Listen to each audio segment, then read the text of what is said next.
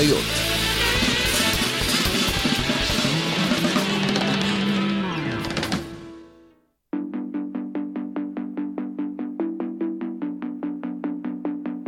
בוער בי השינוי, בשבילי זה כמו תרופה. בוער בי השינוי, אולי ברוח התקופה. גם אם לא ידעת, לא ראית,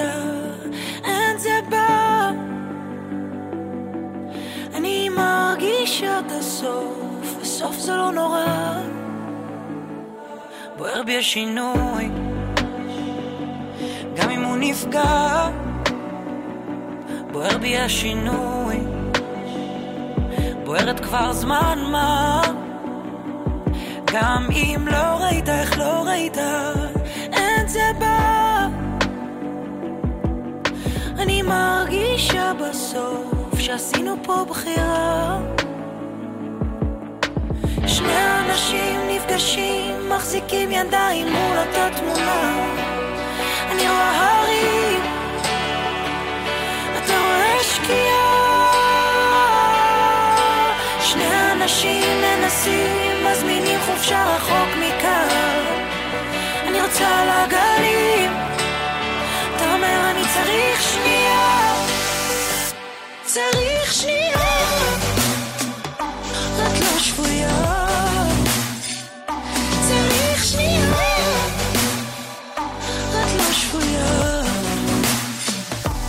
רואה בך שינוי, שוכב על הספה,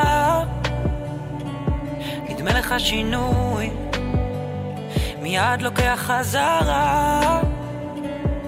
גם אם לא הספקת, לא ראית, אין זה בא. אתה מרגיש שזה קרוב, ומבין שאין ברירה. שני אנשים נפגשים, מחזיקים ידיים מול אותה תמונה. אני רואה הרים, אתה רואה שקיעה. שני אנשים מנסים, מזמינים חופשה רחוק מכאן. אני רוצה על הגלים, אתה אומר אני צריך שנייה. צריך שנייה. את לא שפויה.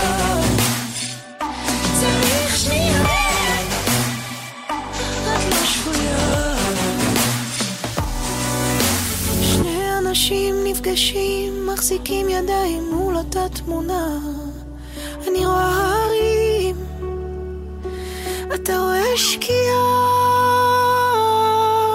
שני אנשים מנסים, מזמינים חופשה רחוק מכאן. אני רוצה על הגלים, אתה צריך שנייה.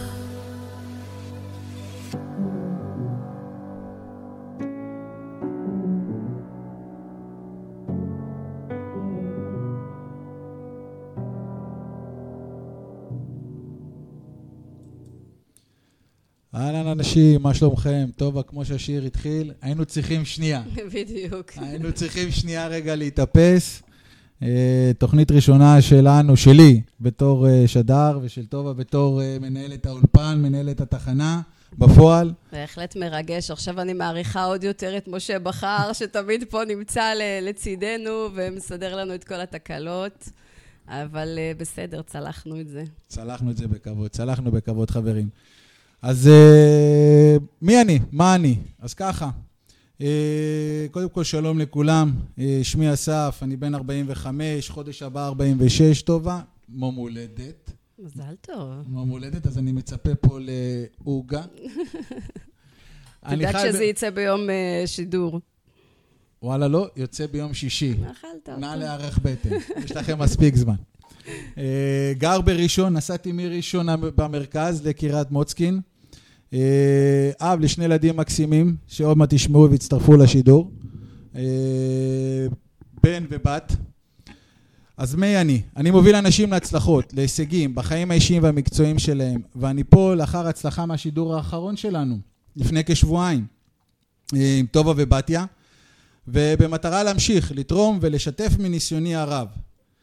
אז כל יום שלישי, חברים, בין השעות אחת לשעה שלוש בצהריים, אנחנו נדבר על הדברים החשובים באמת בחיים. אנחנו נדבר על מהות החיים. בכל תוכנית אני אעלה מספר מאזינים שישתפו אותנו בחוויות שלהם, בחלומות, בשאיפות, שאלות שלהם לגבי הדברים שחשובים לנו באמת. אתמול, כמו שכולם יודעים, היה יום האישה הבינלאומי, ולכן החלטתי, טובה, את התוכנית הראשונה להקדיש לנשים ולחברה שלי, שקרה לי מאוד, ולנושא הכי חשוב לי בחיים, מהו הייעוד שלנו בחיים, והאם אנחנו מגשימים אותו.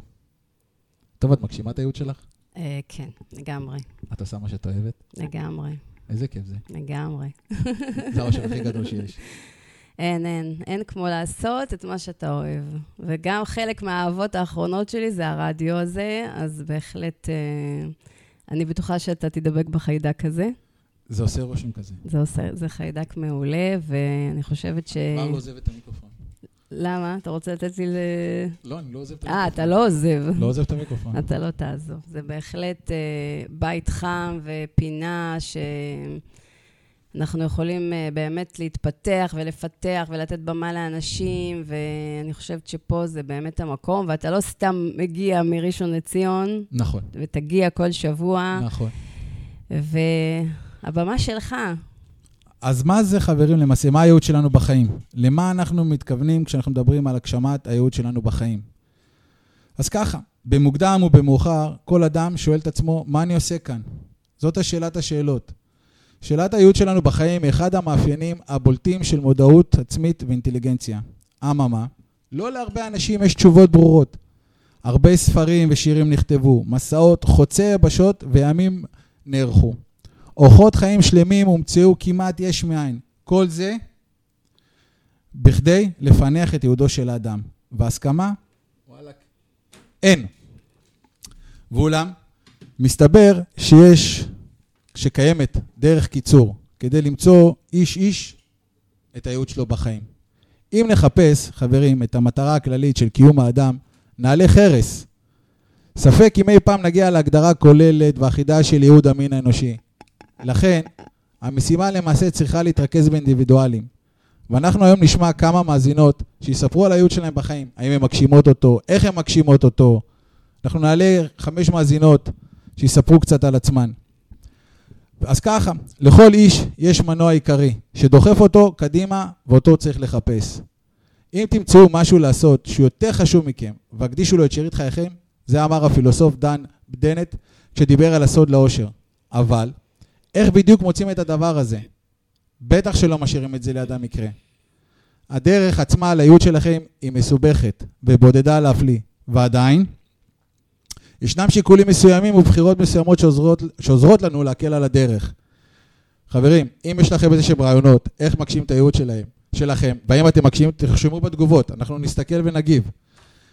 אז מה אסור לנו לעשות, הוא אומר? זה להתעסק בדעתם של כל מי שאינו חבר שלנו. מי שלא בא להרים לנו, מי שלא בא לפרגן לנו. אין מה לדאוג ליוקרה. יוקרה היא דעתם של כל שאר העולם. יוקרה היא כמו מגנט חזק שמעוות את מה שהוא חושב שאנחנו אוהבים. היא גורמת לנו לא להתעסק במה שאנחנו אוהבים, אלא במה שאתה חושב שאנחנו צריכים לאהוב. לטענת גרם, יוקרה היא השראה מיושנת, שגורסת שאם נעשה משהו בצורה מספיק טובה, הוא יהפוך ליוקרתי. לשיטתו, הרבה דברים שכיום נחשבים יוקרתיים לא התחילו כך בזמנם, כמו למשל ג'אז, או כל סוג אחר של אומנות שפרצה דרך. ולכן פשוט צריך לעשות את מה שאנחנו אוהבים. והיוקרה והכסף תקרה מעצמה. מכירה את זה? לגמרי. אני כל הזמן אומרת לעצמי ש... ולאחרים, שאני לא פועלת מתוך המניע של הכסף. הכסף יגיע. אני קודם כל עושה מה שאני אוהבת. רק ככה זה עובד. בנאום האגדי של סטיב ג'ובס, אם אתם מכירים אותו, אתם יודעים, חבר'ה, זה הבן אדם שהמציא את, אה, הביא לנו את האייפון לעולם. לך יש סמסונג, לי יש אייפון. אמר לנו, לא להתפשר במהלך המסע על הייעוד שלנו, הוא טוען שמדובר בכוחה של אינטואיציה. המשפט שמוביל אותו, העבודה שלכם הולכת למלא חלק עצום מחייכם. הדרך היחידה להיות מרוצים ממה שאתם עושים, זה להאמין שהעבודה היא טובה וחשובה. חברים, תרשמו מה אתם חושבים עד כה על השידור, שתפו אותנו, שנדע האם אנחנו בכיוון. אז הדרך היחידה לעשות עבודה טובה היא לאהוב את מה שאנחנו עושים. אז אם לא מצאתם את זה עדיין, תמשיכו לחפש, אל תתפשרו. כמו בכל העניינים הקשורים ללב, אתם תדעו כשתמצאו את זה. וכמו בכל מערכת יחסים טובה, היא פשוט תשתבח עם השנים. אז תמשיכו לחפש עד שתמצאו. וזה הזמן להעלות את המאזינה הראשונה שלנו, זהבית. אבל לפני כן נשמע שיר ראשון של התקווה 6, והכל עוד לפניי. אז אל תלכו לשום מקום.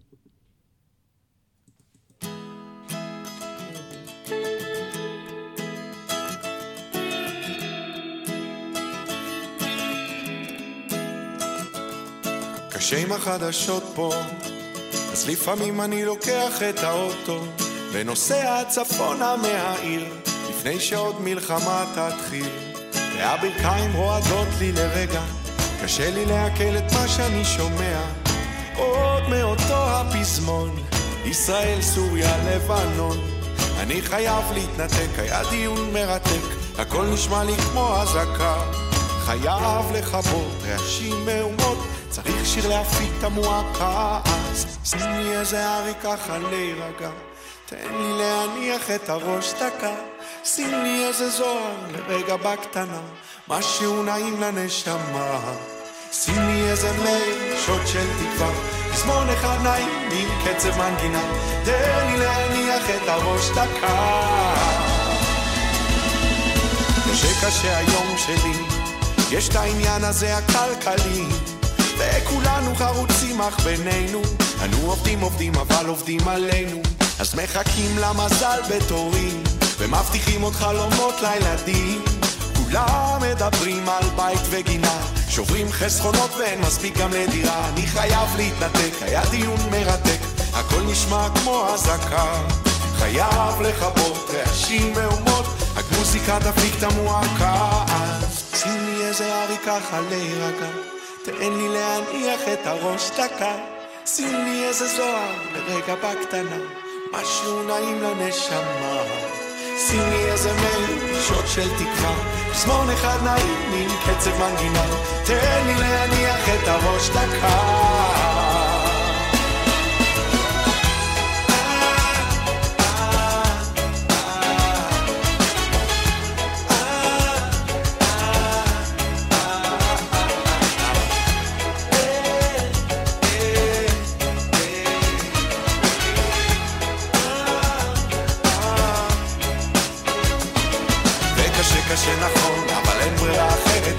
השקט נהדר, רק הארץ נהדרת. אז מנסים למצוא זאת מילה קטנה מוארת, הראש אולי בורח, רק הנשמה נשארת. הימים שלי עובדים בין כל הכותרות, כסף כסף אהבה שלום ומלחמות, ואף אחד לא מצליח להשכיח את הצרות, אנחנו אנשים פשוטים, עם בעיות גדולות אז חייבים להתנתק, היה דיון מרתק, הכל נשמע כמו אזעקה.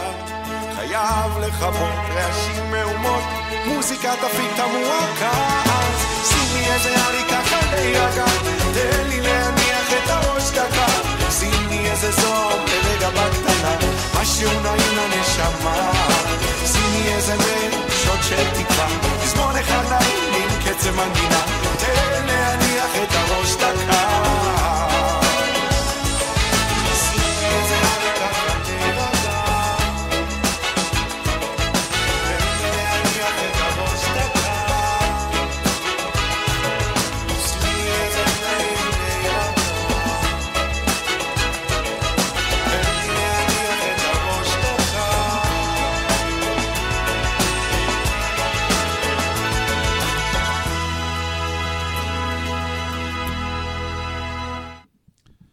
אז תודה שחזרתם אליי, ועכשיו אנחנו נדבר עם זהבית. זהבית היא אישה מעוררת השראה.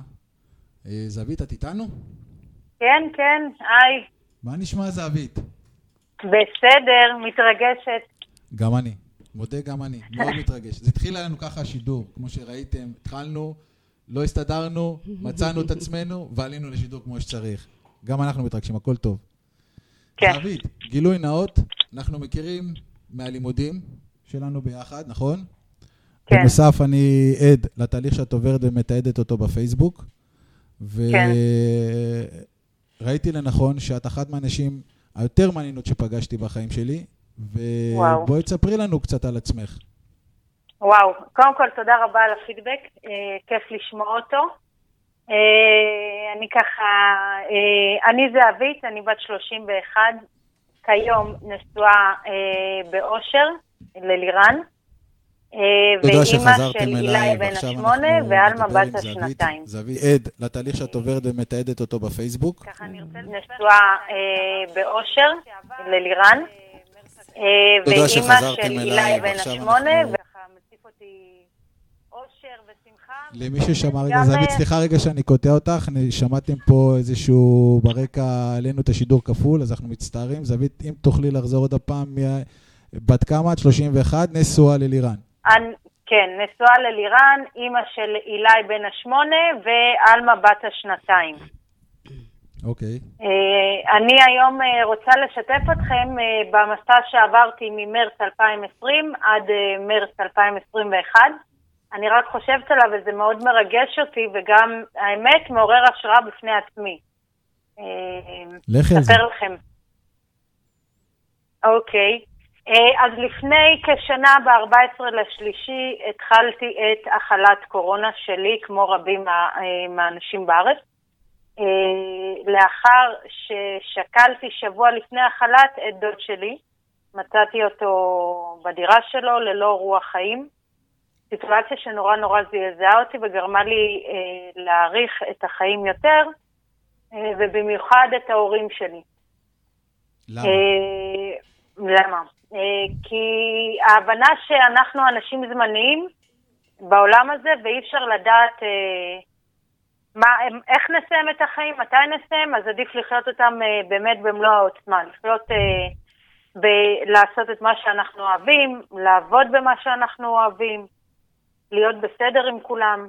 אה, זה, זה כזאת אה, תובנה אה, עם אופק נורא צר שקיבלתי בשבעה, והרגשתי שאני מתחילה סוג של שינוי. עוד לא ידעתי להגיד אז. מה גרם לך לקבל את השינוי הזה בשבעה? מה היה שם הטריגר שבו את אמרת, אוקיי, עד פה, מפה אני רוצה לעשות משהו אחר? את יודעת להגיד את זה? כן, אני נכנסתי לדירה אחרי שלושה ימים שלא מצאנו את דוד שלי, שלא היה בקשר עם אף אחד. אה, והמחזה הזה זעזע אותי כי... כי אני הבנתי כמה חיי אדם נורא חשובים. ולמצוא אדם אחרי שלושה ימים, שאף אחד לא יודע איפה הוא, או לא רוצה לדעת איפה הוא, זה, זה גם סוג של טראומה. וזה זה, זה פשוט גרם לי לקחת את הטראומה הזאת ולראות את הצד החיובי של זה. איך בדיוק? אה, איך? כן. אני, אתה יכול להגביר את הקול שלך? אני לא כן, שומעת כן, אותך איך, כל כך איך טוב. בדיוק זה גרם לך ל- לקחת את הדברים ולהסתכל עליהם בצורה אחרת? זה להבין שכל אחד מגיע עם אה, סל של בחירות לחיים האלה, אה, ואם אותה, אה, דוד שלי בחר לסיים ככה את החיים שלו, אז זה מעיד עליי שאני יכולה לבחור לראות אחרת. שאני אוכ... זהבית? כן, את אתה? שומע אותי? כן, כן. אז אני אומרת שממקום הבחירה, איך שדודי בחר לסיים את החיים, אני בחרתי באותה שנייה לקחת את כל הדברים הלא טובים בחיים שלי ופשוט לשנות אותם. מה זה אומר? באותו חודש, בסוף החודש, אני הצטרפתי לתוכנית פרימיום של מנטור מאוד מוביל בארץ, אה, אלון אולמן, אה, במטרה לשנות את כל הפלחי חיים שלי. אה, מזוגיות עד לאורח חיים, ילדים, קריירה, אה, מאדם אה, מאוד אה, עצלן שלא אהב ספורט, עם אה, חוסר תקשורת אה, בזוגיות, לא הייתי מבינה את בעלי, הוא לא היה מבין אותי, גם לא היינו מדברים ימים שלמים. אה, מערכת יחסים מאוד רובוטית לטובת הילדים. אה, החלטתי לשנות, התחלתי לקום בחמש בבוקר, התחלתי לעשות ספורט. למה, אה, למה דווקא. בחמש בבוקר? מה רע בשש, בשבע? אה, זמן. קרא... איפה יש? אז אני אסביר. נחשפתי לספר של רובין שרמה, מועדון החמש בבוקר. אה, ומאוד הוקסמתי מהאפשרות לעשות, לעשות הסבה לאורך חיים של לקום בחמש. מה זה אומר? הייתי תמיד הולכת לישון בשעה 1, 2 בלילה, מה שהיה מוביל אותי לשינה מאוד לא איכותית ולריבוי מחשבות, בעיקר לא מקדמות, חרדות, איך יהיה, מה יהיה. וכשנחשפתי לספר של רובין, אמרתי, אני מנסה, למרות שזה נורא קשה. ומצאתי את עצמי מתמידה, יום אחרי יום, מתעדת את התהליך שלי, וראיתי שהשינוי הוא אפשרי. רגע, רגע, רגע, חמש? רגע, רגע, רגע, רגע. איפה את מתעדת את החיים שלך? בואו ניתן לך קצת מ- אה, במה. איפה את מתעדת אותה? אוקיי. אז את התיעוד אני מתעדת גם בפייסבוק האישי שלי, וגם תיעדתי את זה בקבוצה הרשמית של מועדון חמש בבוקר בפייסבוק. אז אה, מי שרוצה שלימים- לעקוב אחרי זהבית, נכנס לזהבית מה? תגידי את השם. זהבית זלטה גבאי, בפייסבוק או באינסטגרם. חברים, תעקבו אחריי, זה שווה. תודה, תודה. וזהו, אני מצטערת, אני קצת מצטנעת, אבל אני צריכה גם אה, עוד קצת אה, ללמוד אה, להרים לעצמי, אז תודה אסף שפה אתה פה מזכיר לי את זה. אה, אז אני אוכל, כן, אז אני יכולה לספר לכם שאני כבר מעל כשנה קמה כל יום בשעה חמש, ויום שבת אפילו בארבע וחצי. אה, ויום שבת בארבע וחצי לטובת חלום אה, נוסף שהגשמתי, וזה עולם הריצה. לפני כשלוש שנים הפסקתי לעשן, כי החלטתי שאני רוצה לרוץ, אבל נורא נורא פחדתי מזה. אז אה, קודם כל הקרבתי את הדבר שהיה חשוב לי אז, זה הסיגריות. ובמשך שנתיים, כן, אני פשוט ביום אחד הבנתי שאני יותר לא רוצה את זה, אה, וזרקתי ככה, חד, חד וחד. clear. לא מה... כן, בדיוק. איזה אוקיי. כוח אה, רצון יש לך, יש לציין. מטורף. ממש. כן, כן. טוב, את וככה תקשיבי לש- במשך- למילה, תכף היא תדבר על הריצה, אם את זוכרת שאנחנו דיברנו על כן, הריצה זה בפעם מאוד הקודמת. מפחיד אותי הדבר הזה. יש לי תחושה, אחת מהמטרות שאני שם לי פה, אני, לא, אני מאוד מקווה שאני אצליח לעמוד בהן, זה לראות את טובה נכנסת לפה עם בגדי ריצה, וואלכ, סיימתי ריצה. זהבית, תמשיכי, אולי תתני לה מוטיבציה. אז טובה, אני אספר לך.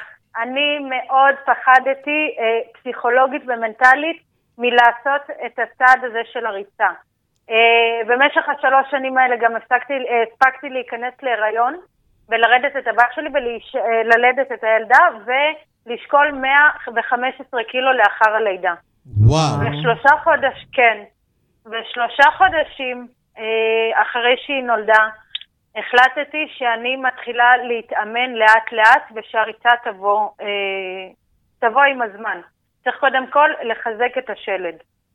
אה, במרץ האחרון, אה, כשאני כבר נמצאת אה, בתחילת התוכנית של אלון אולמן, אני שמתי לעצמי מטרה שאני רוצה לרוץ מרתון, עוד כשלא רצתי קילומטר. מהסיבה שאני מגבילה את זה למרתון של החיים. התחלתי לרוץ קילומטר שתיים, ראיתי קילומטר שתיים יחד עם הליכה, וראיתי שיש לי עוד הרבה מה ללמוד, ובעיקר לשחרר הרבה מחסומים בראש, והחלטתי שאני לוקחת לעצמי אשת מקצוע, וככה הגעתי למאמנת שלי, המהממת, אסתר אוצ'יגבה, שהיא בעצמה אולטרה מרתוניסטית, היא רצה 100 קילומטר פעמיים. ואמרתי לה, את הבן אדם המדויק ללמד אותי איך לאהוב לרוץ על אף כל הקשיים.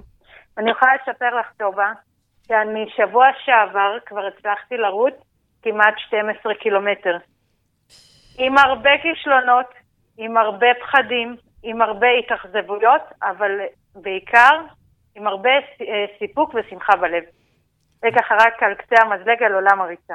את יודעת שבתור אחד שחובב ריצה, כמו שאת יודעת, אנחנו נמשיך עוד כמה דקות לדבר על הריצה, אבל לפני כן, את סיפרת שקראת, אה, סליחה, לפני כן, הייתה איזושהי הרצאה שסיפרת לי עליה שהיא מאוד השפיעה עליך, השפיעה עלייך. כן. אה, למה? קודם כל, מי זאת, איזו הרצאה זאת הייתה? מי היה שם? כן. מה דיברו שם? אז- ואיך זה כל זה אז, אה, מתחבר לעולם תוכן שלך? כי את אמרת שזה אוקיי. היה אחד מהדברים שהובילו אותך לשינוי. כן. אז אה, ככה ב- ב- ב- בסוף מרץ התחלתי נורא לצרוך אה, תכנים של אה, התפתחות אישית וצנזרתי את החדשות לאפס. החלטתי שכל הסטרס שהעולם החיצוני משדר, קורונה, הכל אני משאירה את זה בצד ומתחילה להרבות את עצמי בתכנים מעצימים. ואיזה בוקר, חמש בבוקר, מצאתי את עצמי רושמת אה, הרצאות TED עם אה, תרגום לעברית. והגעתי להרצאה אה, של לס, לסלי בראון, בחור שהיה לו פיגור שכלי קל, שאימא שלו אימצה אותו יחד עם אחיו, והוא החלום שלו היה לשדר ברדיו. כנראה שעכשיו יש פה איזושהי סגירת מעגל. לא במקרה דיברתי על זה. לא במקרה לא כנראה. במקרה. כן. לא במקרה, אה, הכינותי מראש. הכינותי מראש, כן. אז אה, אה, אני אקצר לכם, אה, הוא היה בא לבחור בשם אה, מיסטר וושינגטון כל יום, והיה חופר לו שהוא רוצה לשדר ברדיו. והוא לא התייאש, יום אחרי יום, יום אחרי יום. ואז, ואז כשאותו מיסטר וושינגטון אומר לו, what? אומר לו, it's not over until I win.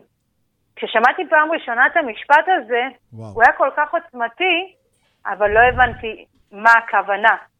למה הוא עוצמתי בשבילי. גם אני יודעת להגיד שזה משפט שנורא מלווה אותי גם בעולם הריצה. מבחינתי זה לא נגמר עד שאני מנצחת, את עצמי כמובן. וההתמדה והנחישות שהיו לאותו לסלי, זה דברים שקיימים אצלי. אמנם זאת הרצאה מלפני 20 שנה, אבל הוא פשוט עשה לי שיקוף. במהלך המסע ההתפתחותי שלי אני התחלתי לזהות ולראות את זה. וכל פעם שאני רואה את ההרצאה הזאת, היא יותר עוצמתית מקודמתה. אז חברים, קודם כל משהו קצר, בקטנה, אם מישהו לא שמע אה, על לסלי בראון, מומלץ, מומלץ, מומלץ להיכנס להרצאות שלו בטד, אחד האנשים היותר מרתקים, יש לו קול שרק מלשמוע אותו, אתה... אני עכשיו הולך לרוץ, אני עכשיו הולך לעבוד, אני הולך עכשיו לעשות איזשהו שינוי מטורף, כי יש לו קול ממגנט. אז מי כן. שחושב לעשות איזשהו שינוי, שווה מאוד לשמוע אותו. תמשיכי. תספרי לנו, זה יכול להיות שכ- גם... אה, איך? מה את אומרת? אני אומרת, אה, כשאתה אומר שינוי, יש אנשים שזה, שהמושג הזה יכול להיות מפוצץ. שינוי זה יכול להיות גם אה, לצאת לעשר דקות הליכה ביום. כולנו מתחילים... שינוי מ- קטן כגדול. נכון, הצלחות קטנות כהצלחות גדולות. מכירה את זה? בדיוק. כן. כיום כן. זה הצד הטוב של הקורונה. גם אני בקורונה אה, ראיתי הרבה הרצאות של TED, ולמדתי הרבה דברים, וזה הצד הטוב של הקורונה, אפשר להגיד. הקורונה נתנה לנו זמן להגשים את עצמנו. לגמרי. אין בכלל ספק. לגמרי. לגמרי. זה מה שלקחתי, אמרתי, אם זה מה ש... אם זה מה שנגזר עליי, זה מה שנגזר עליי. אני אתחיל ליהנות, ויחד עם ההרצאות TED אני גם התחלתי לקרוא שני ספרים בשבוע. אה, וככה נחשפתי... על איזה ספר ל- את הכי הכי הכי הכי הכי ממליצה? חשוב. והתעשר. חשוב והתעשר של נפוליאון איל. אני אומרת את השם שלו וזה מרגש אותי. זה ספר שנכתב ב-1930, וזה כאילו הוא נרשם על תקופת הקורונה. חד משמעית, ספר מדהים. הוא מספר על אה, תקופת השפל הכלכלי בארצות הברית, והוא מאגד אה, 12 פרקים, אוקיי? אה, הוא מספר שם את הסיפור של הנ- הנרי פורד, איך הוא בסוף לא התייאש והביא לעולם את מה שהוא דמיין וחזה, אה, ולמה הוא ככה נורא מתקשר אליי ומרגש אותי, כי הוא מדבר שם על השאיפה הלוהטת. מה זה אומר? כשאנחנו רוצים משהו, אנחנו נעשה הכל ונכוון גם אנרגטית בשביל להגיע לדבר הזה. ואת השאיפה הלוהטת הזאת אני יכולה לפגוש, א', בריצה, בחיים, בזוגיות לצורך העניין, אה, בכל הסביבה שלי. אני בן אדם אה, מאוד שאפתן. אה, וזה מה שהספר ככה... אפשר הפך לשאול... אותי לעוד אה, יותר טובה. אפשר לשאול שאלה לגבי הזוגיות? כן. את... אה, כן. כן. מה זה עשה לך בזוגיות? אה, תחילת אה, הקורונה הייתי נורא מבולבלת, בעלי איש צבא, ועם הקורונה הוא מצא את עצמו נעדר הרבה מהבית, ואני מה שחוויתי ממקום נורא קורבני, שהוא רוצה לברוח ולא להיות איתנו, אה, וככה נוצרו פערים, גם בזכות זה שאני התחלתי תהליך התפתחות אישית, ואני ראיתי שאותו בן אדם שנשאר במקום, שלא רוצה לעשות שינוי, ש... שלא מבין את ההערה שיש סביבי. מה שלא הבנתי שאני בעצם הרחקתי אותו בגלל אה, האימפולסיביות שנכנסתי עם עצמי. והתחלנו טיפול זוגי, והמטפלת, אה, אני הרגשתי בבטן שהיא לא מדויקת לנו, אז אני פיטרתי אותה אחרי שלוש פעמים ואמרתי לה תודה רבה. אני לא רוצה אותך, אני מעדיפה ללכת להתגרש. וואלה, למה? כן. למה? מה היה כי- חסר שם, ובקצרה, כדי שלא נתמקד בדברים היותר חיוביים? כי בחיים? כל הזמן, אה, כי כל הזמן הייתה אומרת, את לא רואה נכון. זה לא יכול להיות, את לא רואה לא נכון. היום אני מבינה שאני לא הבנתי אותה אז. ובמקום ללכת, ל- ל- ללכת אה, לרבנות, החלטתי שאני מנסה עוד דבר אחד. לקחתי לי מאמן אישי מדהים, דניאל. אה, וואו. ובשיחה הראשונה שלנו, הוא אמר לי, זהבי, תהיה השינוי שאת רוצה לראות אצל אחרים. אני לא הבנתי את זה, במיוחד לא בהקשר של הזוגיות. למה אני צריכה לעשות שינוי? בעלי לא עושה כלום כל היום. אני כל היום בהתפתחות אישית והוא לא עושה כלום. ולאט לאט התחלתי לשנות את עצמי, ואני רואה שזה משפיע גם על הזוגיות. אה, אני אספר לכם ככה את הסוף, כמה אני ובעלי מתאמנים ביחד בקבוצת ריצה, שהוא בחיים לא עשה ספורט. אה, אנחנו משאיפה של פעם בשבוע לרצות להיות ביחד. אנחנו לפחות אה, פעמיים, שלוש בשבוע, יש לנו ערב משלנו, וחגגנו עשור נישואים, וזה היה היום נישואים הכי טוב שהיה לי אי פעם. אני חושבת שרק היום התאהבתי בבן אדם שיש לי בבית. וואו, זה התאהבת מרגש. רק היום או שהתאהבת מחדש?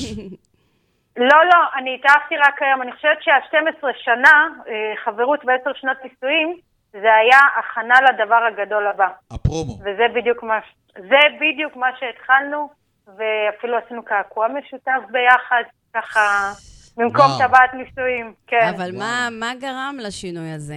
כי הוא... אני, אני, שינוי גישות שלי, להסתכל אחרת, אה, להבין שלפני שאני רוצה לבוא ולשנות מישהו אחר, אני צריכה לבוא ולשנות את עצמי, את החשיבה שלי, אה, לשנות את החשיבה של איך כן, במקום לבוא ולהגיד אתה ככה, ככה וככה, להיות איתו בפנקסות, לראות אה, דברים חיובים בו ולפתח. סתם לצורך העניין דוגמה, אה, מחוות רומנטיות.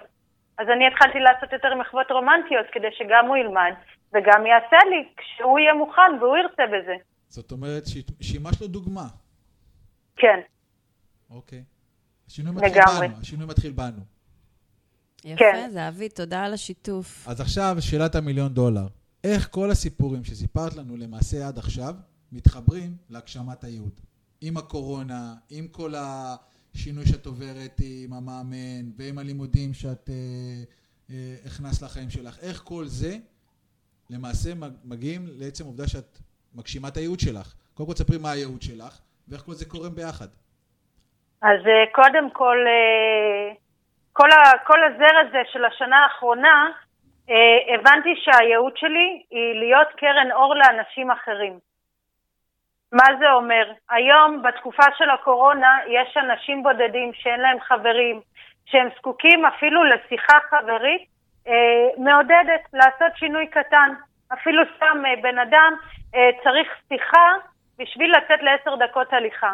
אז מה שאני בעצם גיליתי את העוצמות שבי, ואני רוצה לתרום אותם לאנשים באמצעות שיחה חברית. שיחת מנטורינג. אה, אנשים אה, בכל רחבי הפייסבוק מחפשים לפעמים אנשים שיקשיבו להם. וזה מה שאני עושה.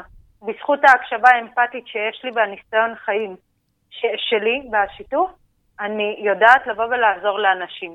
הפורמט שלי עובד או בזום או בשיחה חברית, ולאחר, אה, עד שלוש שיחות, ולאחר כשלוש שיחות אני מפנה אותם, אני יודעת האם הם רוצים, אה, האם הם צריכים אה, גורם יותר טיפולי או גורם יותר אימוני.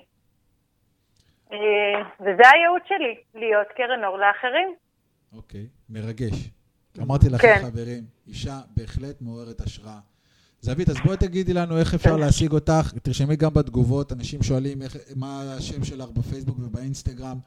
אה, השם שלי זה אביד גבאי. אה, בעברית, באנגלית. באנגלית. אה, אני גם אש- אשלח לכם, אפשר להשיג אותי גם דרך הפייסבוק, דרך האינסטגרם, או בטלפון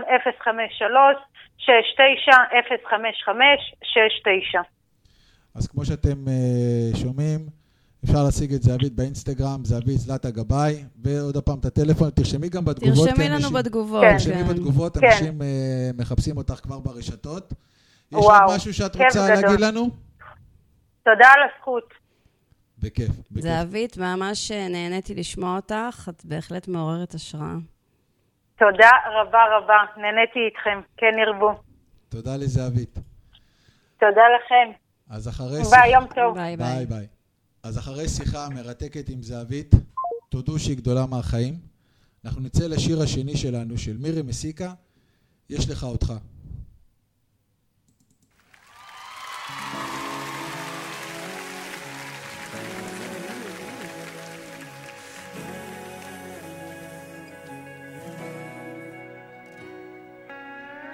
שמעתי שהלב שלך קורא לך מנצל לטרוף את העולם. זה לא תמיד פשוט וכמה זה יפה לך לבקש, להתעקש על מה שאת. נכון שהרחוב בחוץ קצת משוגע. זה ג'ונגל מסופר ומאיים. גם כשהוא ייתן לך מכה ועוד מכה את חזקה כמו לביאה ואת תדעי להילחם. את חזקה ואת תדעי להילחם. לכי עכשיו לזרוח כמו שמש יש לך כנפיים תעופי רחוק. לכי עכשיו בלי ואם זה יכאב קצת מנגינה שכתבתי תחזיק לך את היד וגם אם תהיי שם לבד, לבד כל כך, תדעי שתמיד יש לך אותה.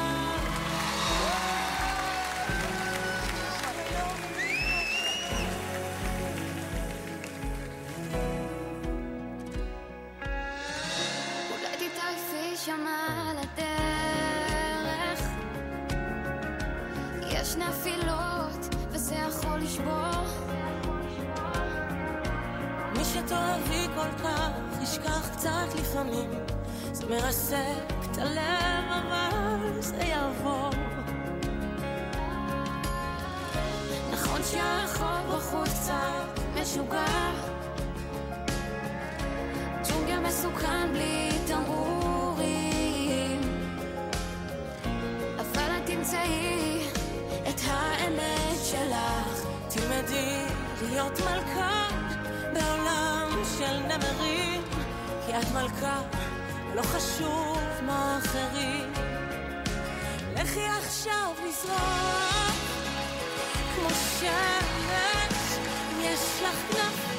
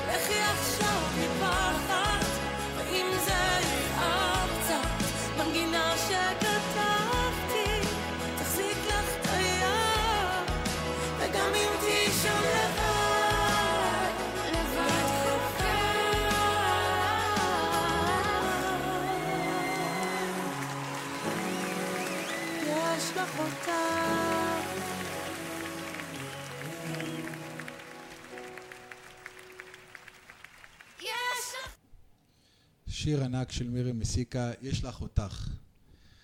אה, אז תודה שחזרתם אליי. שיר ענק, שיר ענק. ובהמשך, לשיחה שלנו עם זהבית, יש פסיכולוג, אני לא יודע אם אתם מכירים אותו, מיאלי צ'יקה סמניאלי, המציא מונח שמבדיל בין מנחה לעבודה, שנקרא זרימה, flow theory.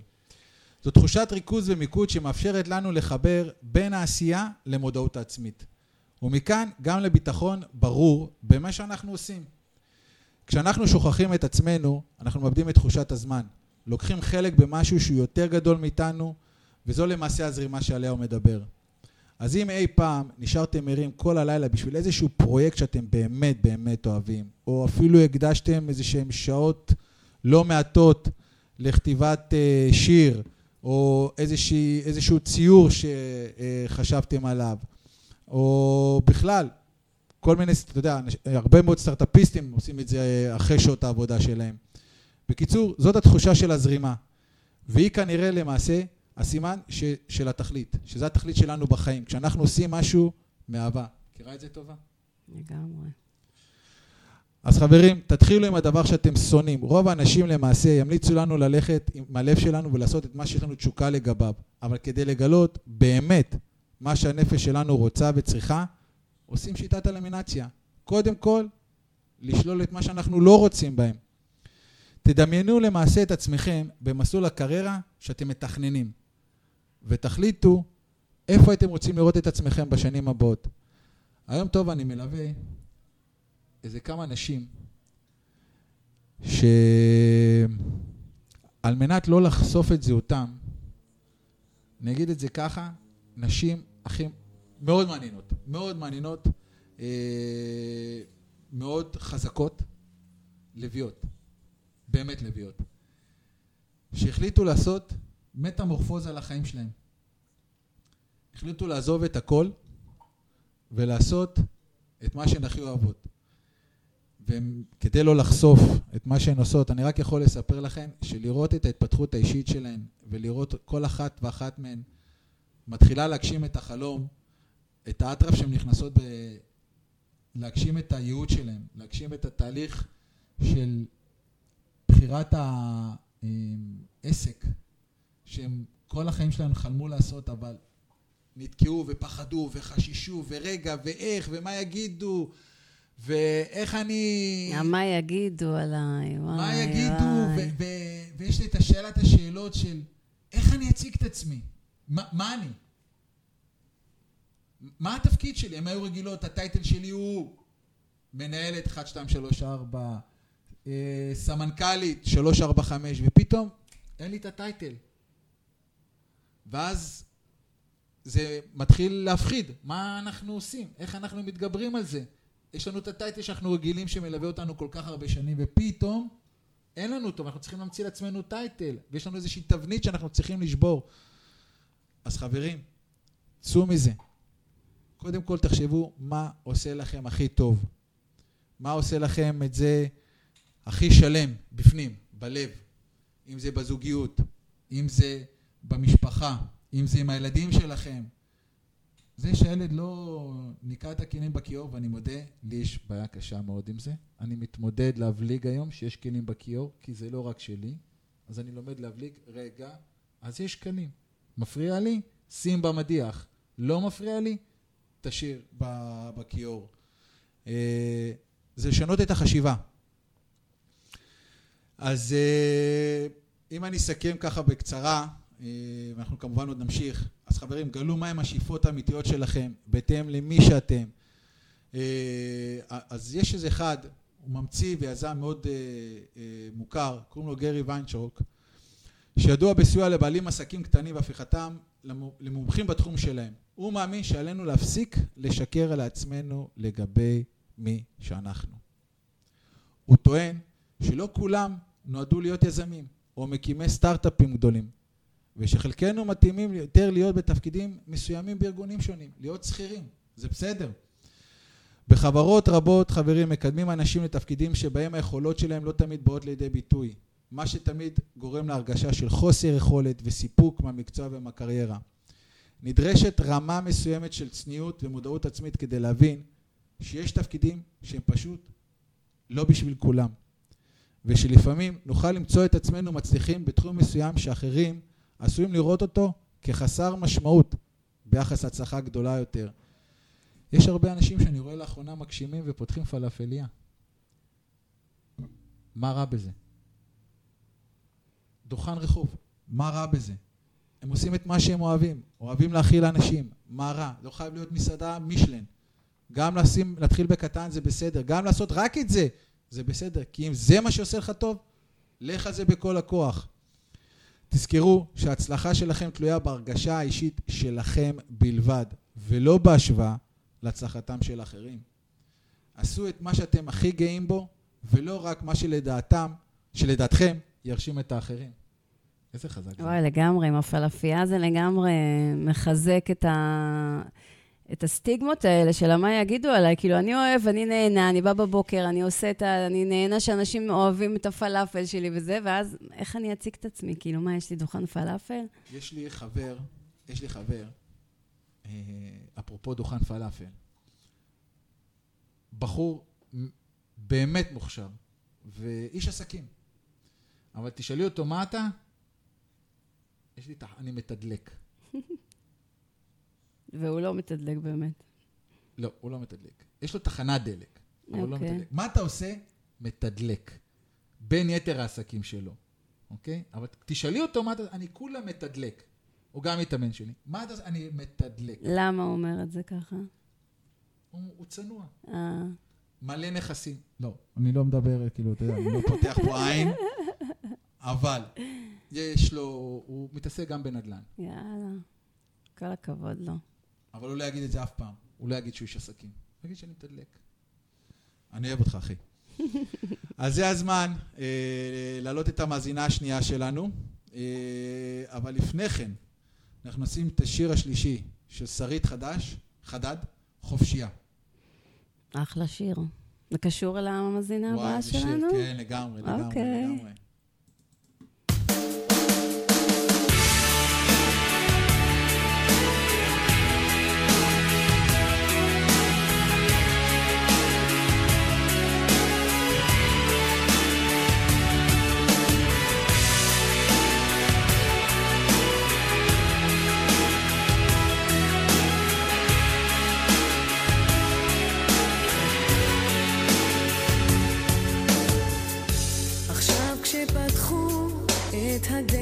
אל הים, אני רוצה להצטרף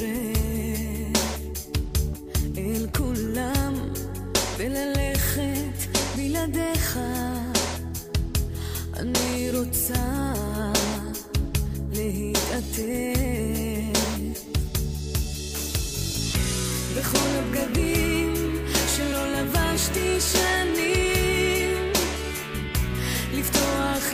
לרווחה תריסים חלודים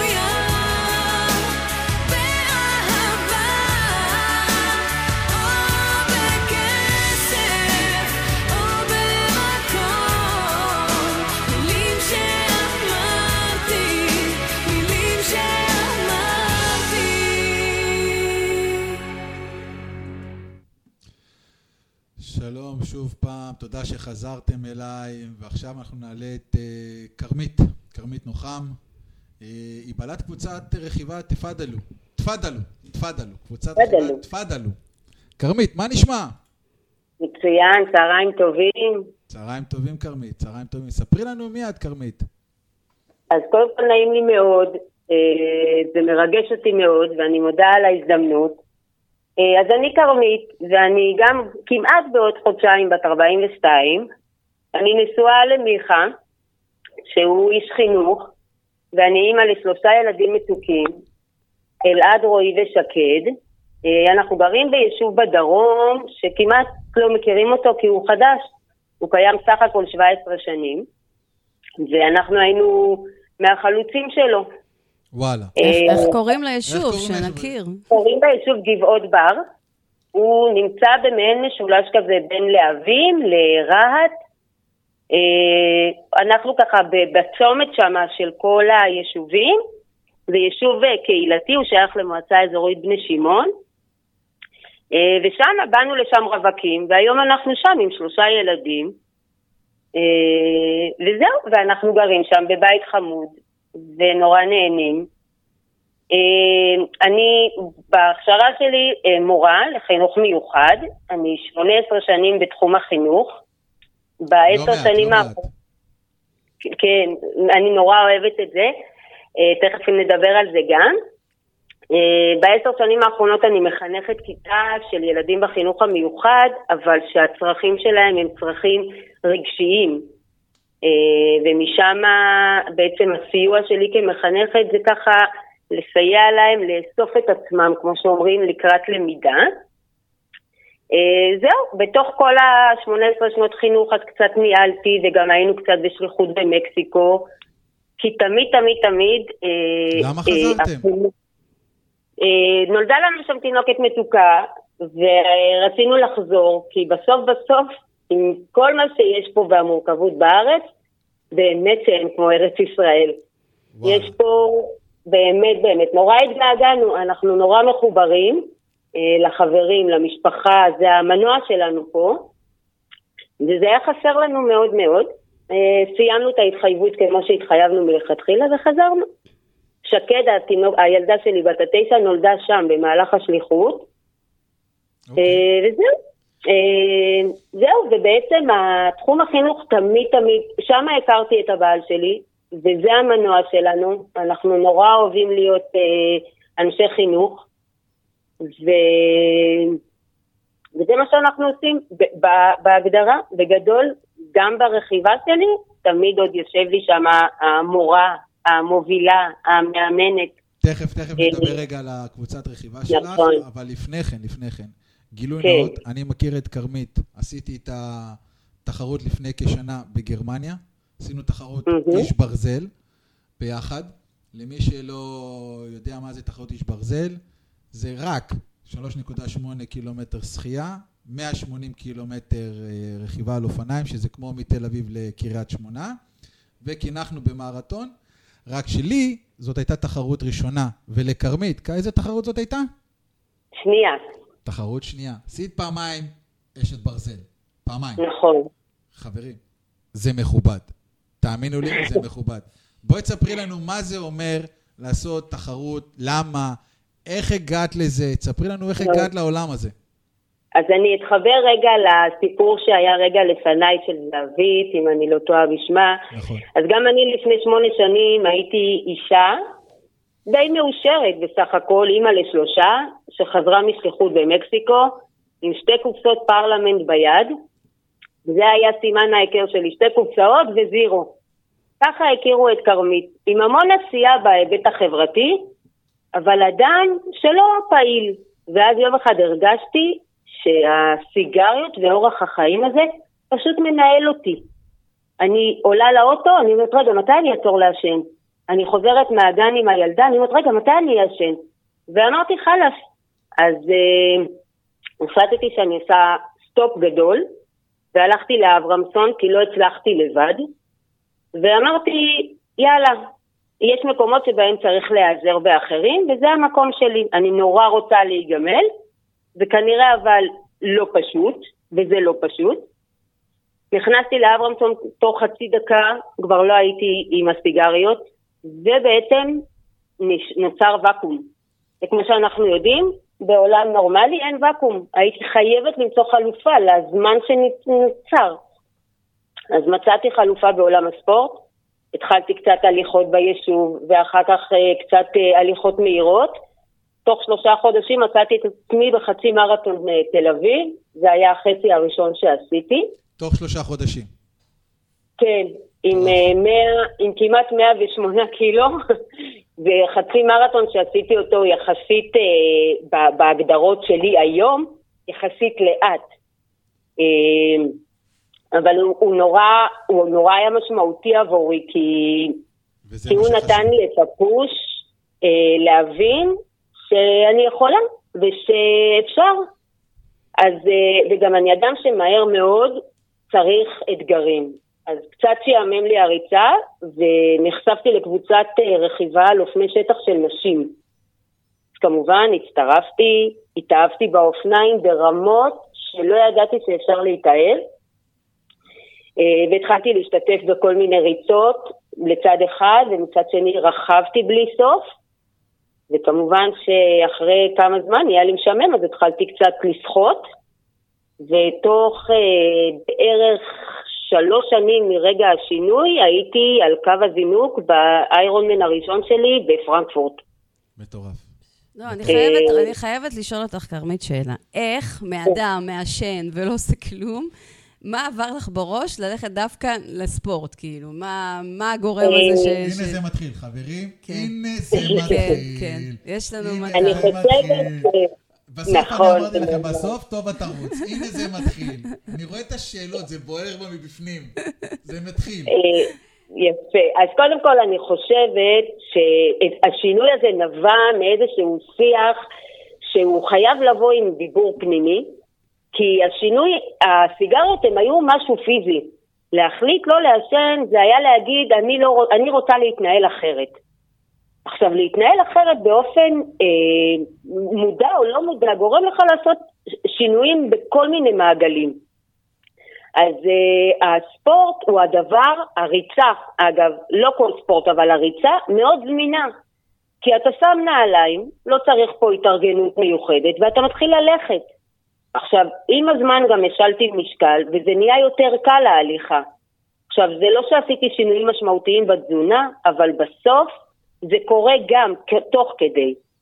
אה, ואני חושבת שמה שקורה כשמעשנים, קודם כל נהיו לי קבוצות חברים. עכשיו, הסיגריות ידוע שהן אקט חברתי, אז החברים המעשנים התחלפו בחברים שמדברים עכשיו על אה, נושאים אחרים.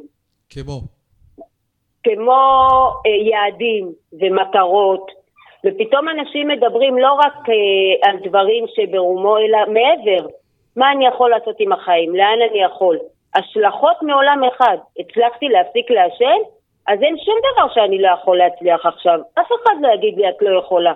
אני הצלחתי לעשן, אני עשיתי את הדבר הכי קשה שיש. אז איזה, אז... איזה מטרות למעשה הצבת אה, לעצמך? וגם למה? המטרות, המטרות, אה, המטרות שלי היום הן בעיקר סביב, ה, אה, כאילו הקמתי את הקבוצה מהמטרה הזאת שהרגשתי שהספורט חיבר אותי לנפש שלי, לשקט שלי, לשלווה שלי. הרגשתי שאני קמה בבוקר ויש לי ייעוד. עכשיו, שלא נתבלבל, אחי, מילאו אותי. אבל הרגשתי שאני חייבת עוד קצת חידוש, ועוד קצת אה, פנימה אל תוכי, כי כל הזמן יש משהו בחינוך שהוא כמעט נתינה אינסופית.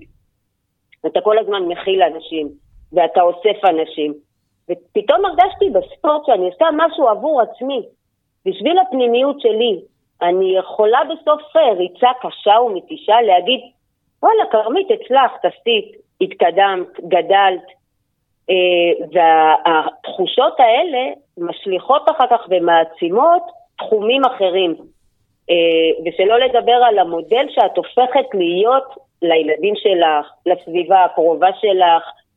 בעצם אנשים אומרים, אם היא הצליחה, למה אני לא אצליח? אם היא יכולה, גם אני יכולה. ואני חושבת שזו המתנה הכי גדולה שבן אדם יכול לתת לעצמו, שרואים בו איזשהו מודל. לגמרי. זה גם חיזק אותך ונתן לך כאילו גם את החשק הזה להמשיך, ושראית שאת גם נכון. משפיעה על אחרים. נכון, היום המטרה העיקרית של הקבוצה שלי היא לא התחרותיות, היא לא הישגית. קוראים לקבוצה שלי תפאדלו מלשון, כאילו הצטרפו. זה לא עכשיו אה, הכנה לאיירון מן, בכלל עולם המושגים הזה לא שם. המטרה של הקבוצה היא באמת באמת רגע להתחבר לאני, לכאן, לעכשיו, למה שבאמת בונה לנו את שאר התחומי חיים. אה, אני אספר לכם ששלשום אה, הצלחתי אה, לגרום לילדה בת 11 לרכב תוך שלושה שיעורים כאלה מתוקים. היא רכבה והיא התחילה להסתובב במגרש והרוח ככה עפה לה בפנים והילדה הייתה מאושרת ואני עמדתי בצד ופשוט רציתי לבכות מאושר לא כי היא, רוכבת, כי מה זה עכשיו לתת לילדה בת 11 מתנה כזו של הנה עוד הצלחת בעוד תחום, הנה רצית משהו והשגת את היעד הזה. כשפגשתי אותה במפגש הראשון, אמרתי לה, אה, מתוקה, מה, למה את רוצה ללמוד? היא אומרת לי, כל החברות שלי רוכבות ורק אני לא. ופתאום לראות שילדה כזאת עכשיו יכולה לקחת את האופניים שלה ולהסתובב עם חברות, זה אושר עילאי שאין לו, לו תחליף. וזה, לשאלתך הקודמת, זה מה שממלא, זה מה שנותן את הדרייב להמשיך. את הצלחת בעצם uh, לגרום לה להתקרב לחברים שלה, מה שהרחיק אותה נכון. מזה. נכון, וגם לעצמה. זאת אומרת, הצליחה לרכב, זה אומר, אני האמנתי שאני יכולה, והעסקתי את זה. זאת אומרת, מחר בבוקר היא תרצה להצליח במשהו אחר. יש לה את הדרייב הפנימי להגיד, הנה, אני יכולה ואני אצליח. אה, וזה בעצם המטרה העיקרית שלי, לגרום לאנשים להבין שהם יכולים להעז, קודם כל לרצות להעז ולהצליח, וזה לא סיסמאות, כי זה, רואים את זה, רואים את זה ברגליים, רואים את זה בגוף, ורואים את זה קורה. כרמית, אז אני אשאל אותך שאלה קצת מאתגרת. Mm-hmm. יותר נכון שתי שאלות. אחת, איך הגיבה הסביבה למעשה לכל השינוי הזה שאת התחלת בו, אם זה להפסיק אה, לעשן, ושהחברים השתנו, ונכנס לעולם הטריאטלון, והיום את אה, הקמת לך קבוצת, אה, קבוצת רכיבה, סליחה, איך הסביבה הגיבה לכל התהליך הזה? ודבר שני, מה, מה, מה למעשה ליווה את כל התהליך השינוי הזה? אוקיי. Okay. אז נתחיל רגע מהסביבה, זה, התהליך היה ארוך. בסדר, אנחנו מדברים היום, אני כמעט שבע וחצי שנים מתחילת התהליך. אז בהתחלה היו, היו לא מעט אנשים שהיו סקפטיים. אה, אני, אני זוכרת איך התחלתי לרוץ את ה... ב, לפני החצי מרתון הראשון, אחד השכנים שלי, שסיפרתי שאני הולכת לרוץ מרתון, את החצי מרתון, אז הוא אומר לי, ככה? אז אמרתי לו, מה זה ככה? הוא אומר לי, ככה עם כל המשקל הזה, איך תרוצי? אז, אה, ואז בסוף רצתי, ושלחתי לו את הכותרות. איך הרגשת כשהוא אמר לך ככה? מה, מה זה, מה, מה, מה עבר לך בראש כשהוא אמר לך את הדבר הזה? אה, מצד אחד הייתה שם תחושה של אה, עלבון, שרציתי שהאדמה תפתח את פיה ותיקח אותי, אבל מצד שני, כמות המוטיבציה שהוא נתן לי במשפט הזה, שום קפסולה לא יכולה למלא. הדרייב הזה להראות לו ולהוכיח שאני יכולה. אה, ודווקא מהמקום שלפעמים אנשים מסוגלים להוריד אותך, זה יכול מאוד להצמיח. אותי הוא הצמיח, זאת אומרת היום הוא רואה אותי, הוא עוד נשאר יושב שם במרפסת ובודק אם אנשים עוד רצים, ואני כבר במקום אחר. וזה בעצם השיעור שלי. של אה, מצד אחד לשמוע ביקורת, כן? אין, אין, אין בכלל בעיה עם לשמוע ביקורת, לקבל אותה, ללמוד ממנה, אבל ביקורת שהיא באה ממקום שאת יודעת שהוא יקדם אותך. זאת אומרת, המקום של איך אני צומחת מהביקורת הזה, ולא איך אני מוותרת, נופלת. כרמית, בואי בוא, אני רוצה רגע קצת אה, לחדד למאזינים מה התהליך שאת עברת. בואי תספרי קצת ככה בקצרה. עשית שני אנשי ברזל, נכון? נכון. כמה כן. מרתונים עשית? אה, חמישה. חמישה מרתונים. חברים, חמישה כן. מרתונים. מי שלא יודע, זה השתת- 42.2 קילומטר, חמישה כאלה. אני אומר לכם מניסיון, לא קל. מה עוד? תספרי לנו עוד קצת, מה עוד? רגע, שידעו קצת מה הרזומה שלך. בואי, נכון, תרימי אה, לעצמך, מגיע לך. יש לי בדרך כמה, יש לי שם חצי ישראמן, שזו תחרות שהיא מאוד מאתגרת. חצי ישראמן, אה. חברים, למי שלא יודע, אני אעזור לך. חצי ישראמן זה באילת. ישראמן הוא אחד מהמסלולים הכי קשים אה, בעולם לתחרות איש ברזל, הוא עכשיו בין עשרת המסלולים הכי קשים בעולם. אה, הישראמן ידוע בתור אה, מסלול מאתגר מבחינת אה, רוחות ברכיבה, ים לא כל כך שקט, וריצה בירידה שגורמת לפציעות לא פשוטות בירכיים, זה נקרא דומס. תמשיכי, חצי ישראמן, כן, מה עוד? יש לי, לא, אני לא אשכח לעולם את החצי האיירונמן הראשון שעשיתי בגן שמואל. עוד זה חצי? היה אה, אולימפי, אולי אולימפי, אבל הפעם הראשונה שיצאתי מהים, היא הייתה הפעם שבה חוויתי אה, עילוי. הרגשתי שכבשתי את העולם, אה, והיה שם עוד אה, כמה טריאטלונים חמודים בתוך מסגרת של אה, כל אחת יכולה, זה, זה טריאטלון הנשים בהרצליה. אוקיי. אה, יש כמה מרוצים אה, בעולם הרכיבה שעשיתי, מרוצי שטח. אה, כמו, כמו, כמו. יש לנו את האפיק שם, אם אני זוכר נכון? מה זה? את האפיק עשית, אם אני זוכר נכון? לא, הוא עוד לא. בוטל. הוא לא. בוטל, הוא בוטל. אה, אוקיי, זהו, אני זכרתי שהיית אמורה. להשתתף בו. אני נכון. התכוננו ממש, התכוננו, אני אומרת, יש לי פרטנרית מאוד טובה, היא השותפה שלי, עשינו גם את האיירומן ביחד, וגם התאמנו ביחד לאפיק. אה, הגענו לפיק, כמו שאומרים, ממש ממש טיפסנו כבר את כל כיסלון, אשתאול וכל שוט, האפיק. בוטל. אה, רק עם הפיק. נשארנו רק עם הפיק. אה, מה עוד יש שם? יש שם כל מיני מרוצים באופניים, יש פה פנימייה, שהילדים שלומדים בפנימייה הם הילדים שבעצם לומדים בכיתה שלי, חלקם. אה, זו פנימייה לילדים עם בעיות רגשיות, וכל שנה הם מארגנים מרוץ מאוד מאוד יפה של רכיבת אופניים. ובמשך כמה שנים אני גורפת שם את הפודיום, והתחושה, לא בגלל הפודיום, אלא לראות את התלמידים שלי יושבים שם וגאים במורה שלהם, וכמה זה נותן להם, אה, זה מוטיבציה. הכי כיף. מאוד מאוד. אה, זהו, מה עוד יש שם? יש שם כל מיני, אבל בעיקרון אני, אני חשוב לי באמת באמת.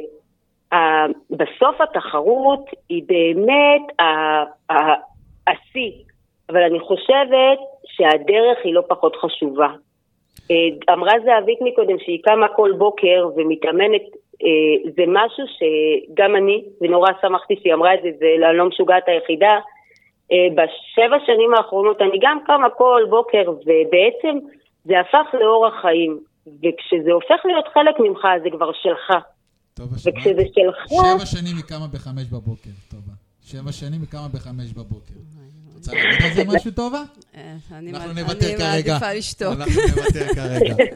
אז תגידי לנו, כרמית, בואי, כן. מה החלום שלך? אחרי כל מה שסיפרת לנו כרגע, מה. החלום שלך? וואו, החלום שלי אה, הוא בעצם ליצור את החוויה הזאת שיש לי, לעזור לאחרים ליצור לעצמם את החוויה הזו. בעצם להיות זו שלא תחולל את השינוי, אבל תעשה איזשהו זיק, איזשהו ניצוץ קטן של רצון לעשות שינוי. של ניצוץ קטן להגיד, אני הולכת ממקום א' למקום ב'. להיות ב- ב- בדרך של, של איזושהי אה, הובלה של שינוי אצל אנשים. עכשיו, אני בחרתי לעשות את זה דרך הרכיבה, אה, ולכן פתחתי גם את הקבוצה למתחילות. להגיד להם, בואו, אז מה אם אני איירון מן? אז מה אם אני כבר עשיתי? בואו שנייה נחזור אחורה. בואו נצעד צעד אחר צעד. בוא תדעו נתחיל מהבסיס. כן, וביחד, ואז נעשה שינוי, ואחרי שתלמדי לפדל, אז גם נקפוץ איזה הר קטן, ונעלה איזה עלייה מאתגרת.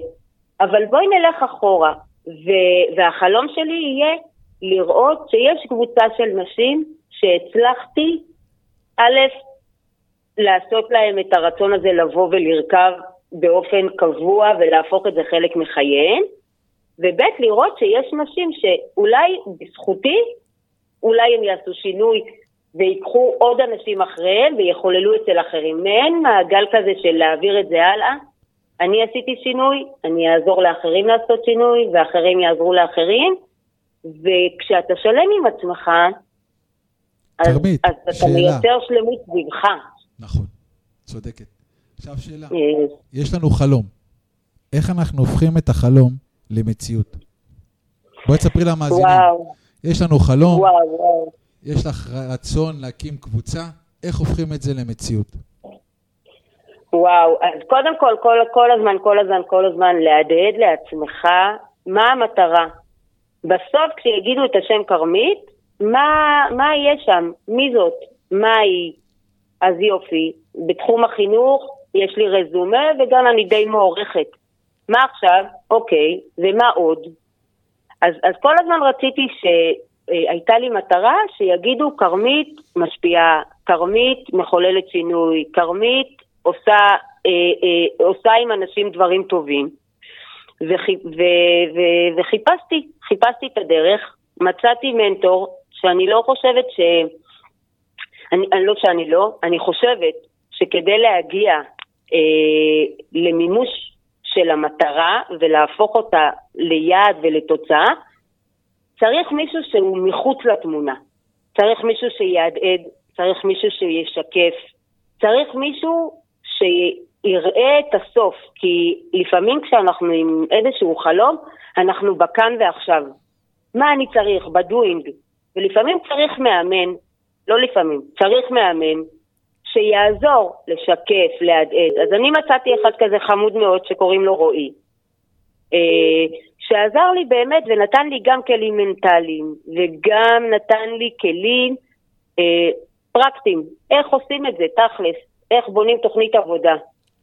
לצד זה, אני לא מוכשרת בהכל, ולכתוב טוב אני יודעת, אבל לא עד הסוף. אז גם לקחתי מישהי שקוראים לה נירית, והיא בעצם עוזרת לי לבנות את התדמית, כי אני לא יודעת כמה, כמה אתם יודעים, כשאתה איש חינוך, אז אתה לא בונה את התדמית שלך.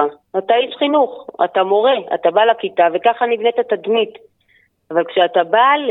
כשאתה רוצה להשפיע, אז התדמית צריכה לעבור איזשהו שינוי.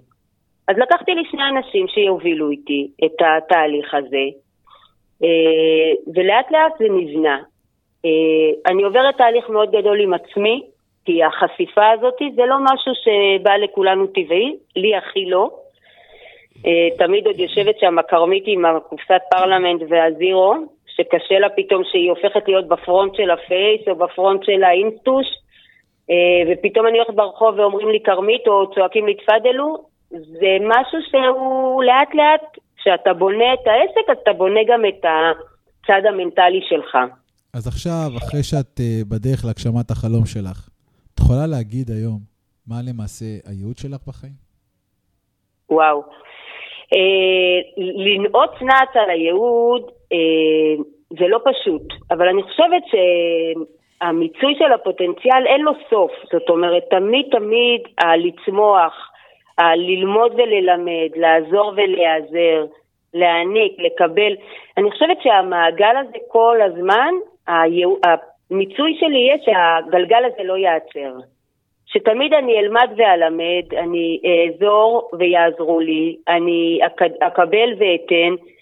כשאני ארגיש שהגלגל הזה מתגלגל גם בלי שאני יותר מדי מתאמצת, זה יהיה הייעוד שלי, שאני ארגיש שמה שהנחלתי ממשיך להתגלגל גם אחריי וגם לידי. מדהים, אה, מדהים, מדהים, מדהים. אז איך למעשה יוצרים קשר עם הקבוצה שלך? איך מגיעים אלייך? האם אה, זה רק באזור לי- הדרום? תני לנו קצת פרטים. תרשמי אה, גם תודה. בתגובות. קודם כל כן, כרגע רק באזור הדרום, כי קשה לי נורא לעזוב את החינוך. אז אני עוד לא מוותרת על המשרה שלי בבית הספר. לאט אז אני לאט. עושה את זה, אני עושה את זה גם וגם. אז יש לי שתי קבוצות, אה, בבאר שבע יש לי קבוצה, ובקיבוץ להב יש לנו קבוצה. יש אימונים אישיים של ללמוד, ללמוד לרכב. אה, יש לי גם דף פייסבוק שקוראים לו תפדלו, ויש גם את הדף, הדף שלי של כרמית, ואפשר להגיע דרכו. ובעיקר לרשום כרמית נוחם, וזה יופיע לכם. תרשמי לנו בתגובות לשידור, אוקיי. וככה יוכלו למצוא אותך בקלות. אמן, תודה. יש לך איזשהו משפט שאת רוצה לסיים איתו? להגיד לנו ככה, לנו ולמאזינים? משהו שהוא המלווה שלך? בטח, תמיד תמיד לרצות, לחלום, להעיז ולהצליח. אין דבר שרוצים, מאמינים שאפשר, עושים, אין סיבה לא להצליח. הכל אפשר ללמוד והכל אפשר לעשות. מעולה. תודה רבה, כרמית, תודה רבה. תודה רבה רבה לכם, המשך יום נפלא. תודה, כרמית. תודה רבה, כרמית. ביי ביי. אז אחרי השיחה המרתקת עם כרמית, תודו שהיא ריתקה אתכם. נצא לשיר הרביעי שלנו של קרן פלס ורמי קליינשטיין, לחיות. ובינתיים, תרשמו לנו בתגובות מה אתם חושבים על הרעיון עם כרמית, עד כמה היא ריגשה אתכם, למה התחברתם, ואם אתם רוצים את הפרטים שלה, תרשמו גם כמה מילים מפרגנות לכרמית. אישה מדהימה.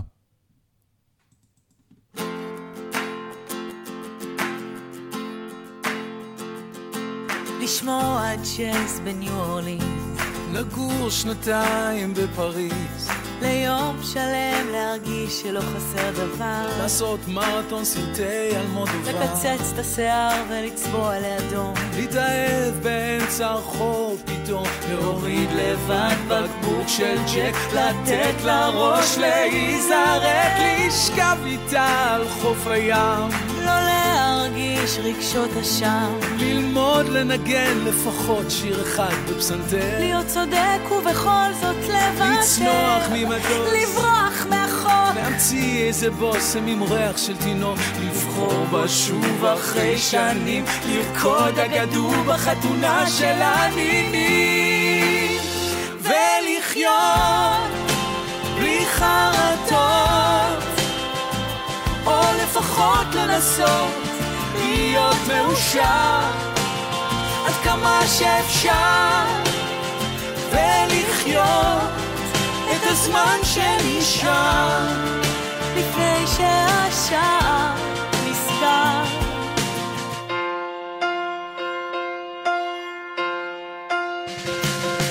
ללכת לאיבוד בעיר זרה. להעביר איזה חודש או חודשיים על סירה. לישון עם הבן באוהל במדבר. ליום שלם להרגיש שלא חסר דבר. לקרוא את טולסטוי לעשות שבת. לשנות את עצמי בבת אחת. כי כבר הייתי בסדר כמו שציפו, אז רגע לפני שהחיים יחלפו לחיות. בלי חרטות. או לפחות לנסות להיות מאושר עד כמה שאפשר ולחיות את הזמן שנשאר לפני שהשער נסגר. כשיגיע היום להזדכות השומר יבקש שאומר כמה מילים אחרונות לפני שהשער נסגר. הייתי רוצה לסכם, היה כדאי בלב שלם, חייתי את חיי. אני חייתי את חיי. בלי חרטות, או לפחות ניסיתי להיות מאושר. עד כמה שאפשר, ולחיות את הזמן שנשאר. לפני שהשער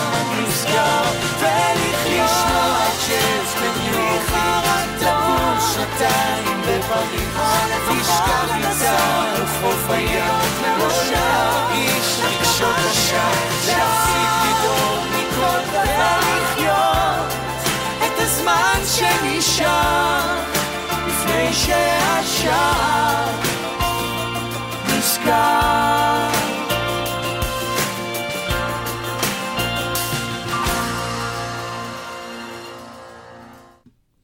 וואו, איזה שיר חזר.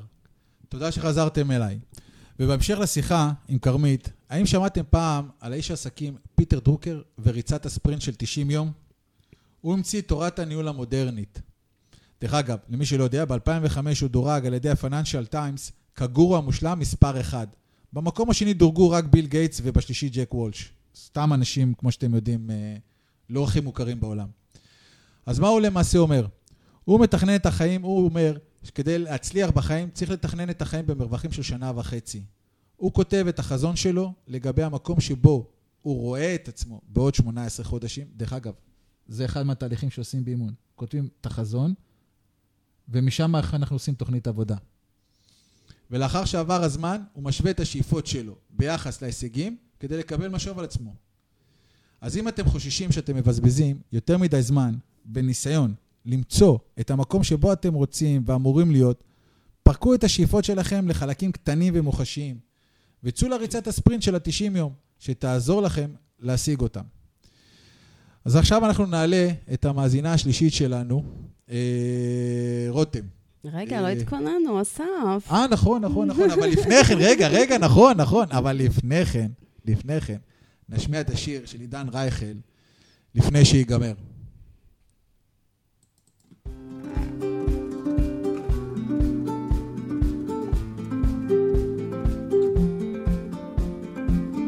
לא לפחד להתאהב, שיישבר הלב, לא לפחד בדרך לאבד. לקום כל בוקר ולצאת אל החיים ולנסות הכל לפני שיגמר. לחפש מאיפה באנו ולחזור בסוף תמיד להתחלה. למצוא בכל דבר עוד יופי ולרקוד עד שנופלים מעייפות או אהבה. מכל הרגעים בזמן למצוא אחד לאחוז בו, להגיד שהגענו.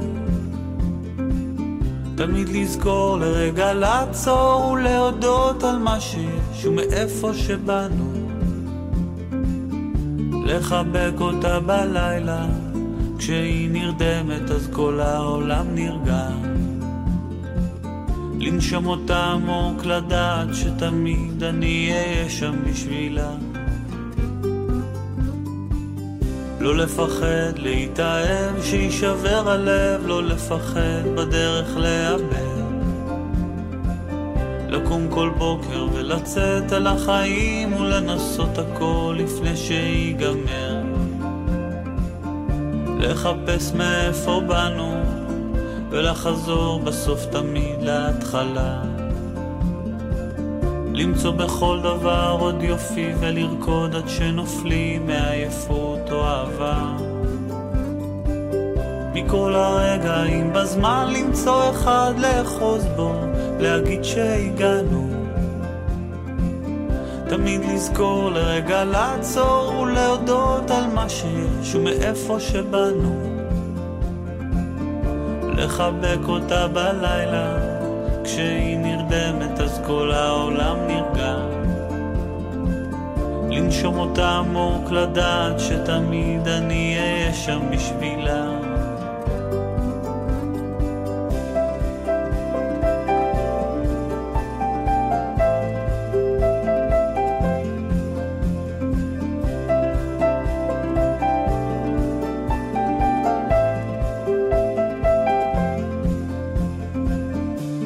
לחפש מאיפה באנו, ולחזור בסוף תמיד להתחלה. למצוא בכל דבר עוד יופי ולרקוד עד שנופלים מעייפות או אהבה. מכל הרגעים בזמן למצוא אחד לאחוז בו, להגיד שהגענו. תמיד לזכור לרגע לעצור ולהודות על מה שיש ומאיפה שבאנו. לחבק אותה בלילה, כשהיא נרדמת אז כל העולם נרגע. לנשום אותה עמוק לדעת שתמיד אני אהיה שם. אז עצרנו קצת כדי שנוכל להספיק ולעמוד בלוחות זמנים. אה, כן, אתה רע. טוב לדעת שזה אצלך הצלצול שלך בטלפון, אז אנחנו עם רותם. רותם, מה נשמע? מה העניינים? מה שלומכם? בסדר גמור. איך השידור עד כה? אה, מהמם, מרגש. אה, קודם כל, תודה לכל מי שמאזין ככה על הזמן שאתם מקדישים, ותודה לכם, אסף וטובה. אני מאוד מתרגשת, גם ממה שזהבית, שהיא חברה טובה, וגם ממה שכרמית אמרה, בנות מעצימות, מרגשות, אה, וכל הכבוד לנו. לגמרי. ועוד אחרי יום האישה הבינלאומי, בוא, קטונתי. על אחת כמה וכמה. אחת על כמה וכמה. אחת על כמה וכמה. לגמרי. סליחה, סליחה, סליחה. אז אה, קודם כל, בואי תספרי לנו קצת מי את, מה את, מאיפה את, אה, מה את עושה בחיים, ספרי לנו מה הייעוד שלך בחיים. אה, אז אני אתחיל מההתחלה. אני רותם חלבני, בת 34, אה, גרה ברמת גן, רווקה. ובעצם אני כאן כדי בעצם לספר את החוויה האישית שלי בנושא של מה שנקרא חיפוש אחר ייעוד. אה, בעצם תהליך שאני בעצמי עוברת ככה אה, בשנה האחרונה. אה, מאיזה רגע בחיים שלי שפתאום תפס את עצמי, אתם מכירים את הרגע הזה שבחיים אתם מרגישים שאתם רוצים איזה שינוי, רוצים איזה משהו חדש, לא יודעים בדיוק מה ואיך, אבל ככה אתם מסתכלים קדימה לעתיד ואומרים, ככה אני עוד כמה שנים. אה, אותו מקום, אותם זמנים, שמונה, חמש ככה, עד הפנסיה מה שנקרא. יש כאלה שיגידו לך שכן. מה אז עושים? יש, יש כאלה שיגידו שכן ושטוב להם והכל בסדר. אה, ואני, כ... ואני דווקא מהמקום ההפוך, מהמקום שאני רווקה ואני רואה משפחות ואני רואה אנשים ואני רואה מה קורה, מרגיש לי שכולם בין מרוץ עכברים, כולם רוצים להספיק לילדים, לעבודה, להיות קרייריסטים, אה, לאהוב את מה שהם עושים, ככה, שבאמת יהיה להם את הכל מהכל, מה שנקרא. ואני אומרת, איך זה הולך לקרות? איך? מה, מה קורה פה? אה, אז אני באמת ככה מתחילה אה, לנבור, אה, לבדוק, לקרוא, להתחיל לראות מה, מה אני יכולה לעשות כבר היום אחרת, שיוביל אותי בעתיד למקום אחר שאין לי מושג מהו. זאת אומרת, ללכת כמעט על עיוור, מה שנקרא.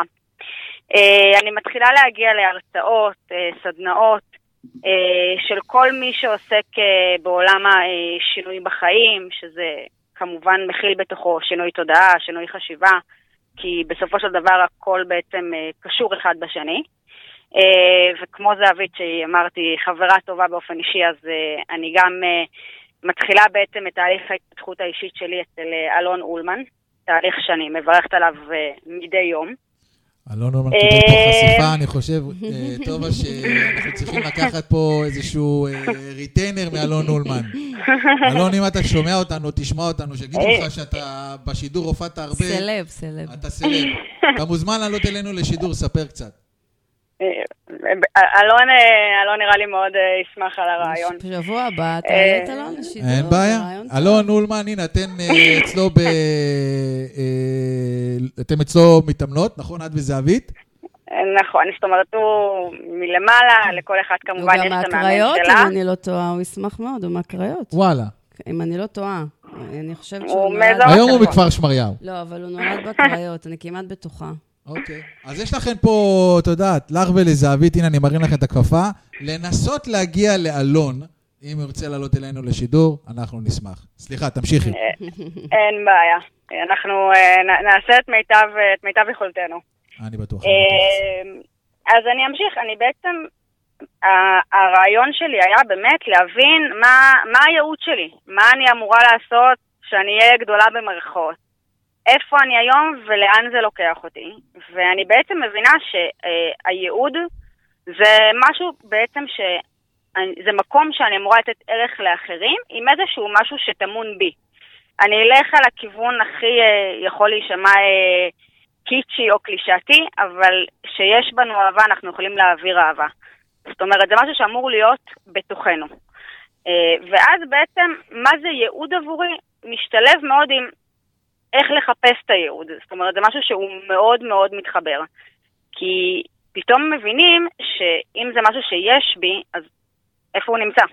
איפה הוא? למה אני לא רואה אותו עד עכשיו? וזה מקום של... אה, שאתה נכנס לתסכול עם עצמך. כי איפה זה? איפה היית? למה אני מחפש, מסתכל, אה, וזה בתוכי, זה עמוק בפנים. אז איך מחפשים. את הייעוד? איך מחפשים את הייעוד? אז איך מחפשים את הייעוד? אז, אז קודם כל זה שלב ראשון מבחינתי, זה שלב של בעצם אה, הבנה, להבין שזה נמצא בך. שלב שני, אה, זה בעצם להתחיל לעשות לעצמך רשימות, לדבר עם הסביבה שלך, לדבר עם עצמך בעיקר, אה, ניתוח של עצמך, ניתוח פנימי. להבין מה היכולות שלך, מה קל לך לעשות, מה הסביבה חושבת עליך, מה החברים שלך חושבים עליך, איפה אתה רואה את עצמך עוזר לאחרים במהלך היום-יום שלך. לבנות מעצמך באיזשהו מאגר, מכלול של כל הדברים האלה. זה בעצם השלב השני. שלב של ניתוח לב פתוח, אם אתם אה, רוצים אה, ככה להשתמש באיזשהו אה, מושג. זה נשמע פשוט, זה נשמע פשוט, זה נשמע נכון? פשוט, נשמע פשוט. זה, זה, זה השלב הכי טכני. אוקיי, יש לי מאגר, מה עכשיו? מפה בעצם באופן אישי אצלי התחיל תהליך פנימי ארוך, אה, קשה, אה, מאתגר אה, עם עצמי. זאת אומרת, יש לי את המאגר שלי, עכשיו אני צריכה בעצם להפנים את זה, לבצע הפנמה. קודם כל, לקלוט את זה שאנשים בכלל רואים שיש בי דברים שאולי אני לא ראיתי בעצמי. שלב של, אוקיי, אני צריך להאמין בעצמי שאני באמת יכול לעשות משהו עם הדברים האלה. ומה אני עושה עם זה? ובעצם להתחיל לנוע, להתחיל לדגום את עצמך, אה, להתחיל לעשות את הדברים ככה מאוד מאוד בקטן, מאוד, מאוד בפינצטה, להרגיש אה, עם עצמך איך נוח לך בשטח של אותם יכולות, אותם דברים שיש בך, איך אתה בעצם נע במרחב הזה, איך אתה מרגיש את זה. אה, אני לדוגמה התחלתי להבין שיש בעצם אה, כמה נושאים שראיתי שהם חוזרים על עצמם הרבה, שזה אה, דיבור, כתיבה, עולם הסטיילינג וייעוץ. זה ככה דברים שתמיד חזרו עליהם גם בעצמי באופן אישי, וגם ככה פידבקים שקיבלתי מהסביבה. ואני יכולה להגיד שהנושא של האמונה בעצמך הוא קריטי. מה גרם לך להאמין אה, בעצמך? מה זה? מה גרם לך להאמין בעצמך? מה גרם לי להאמין בעצמי? כן. קודם כל, הרבה תודה, הרבה מחשבה עם עצמי.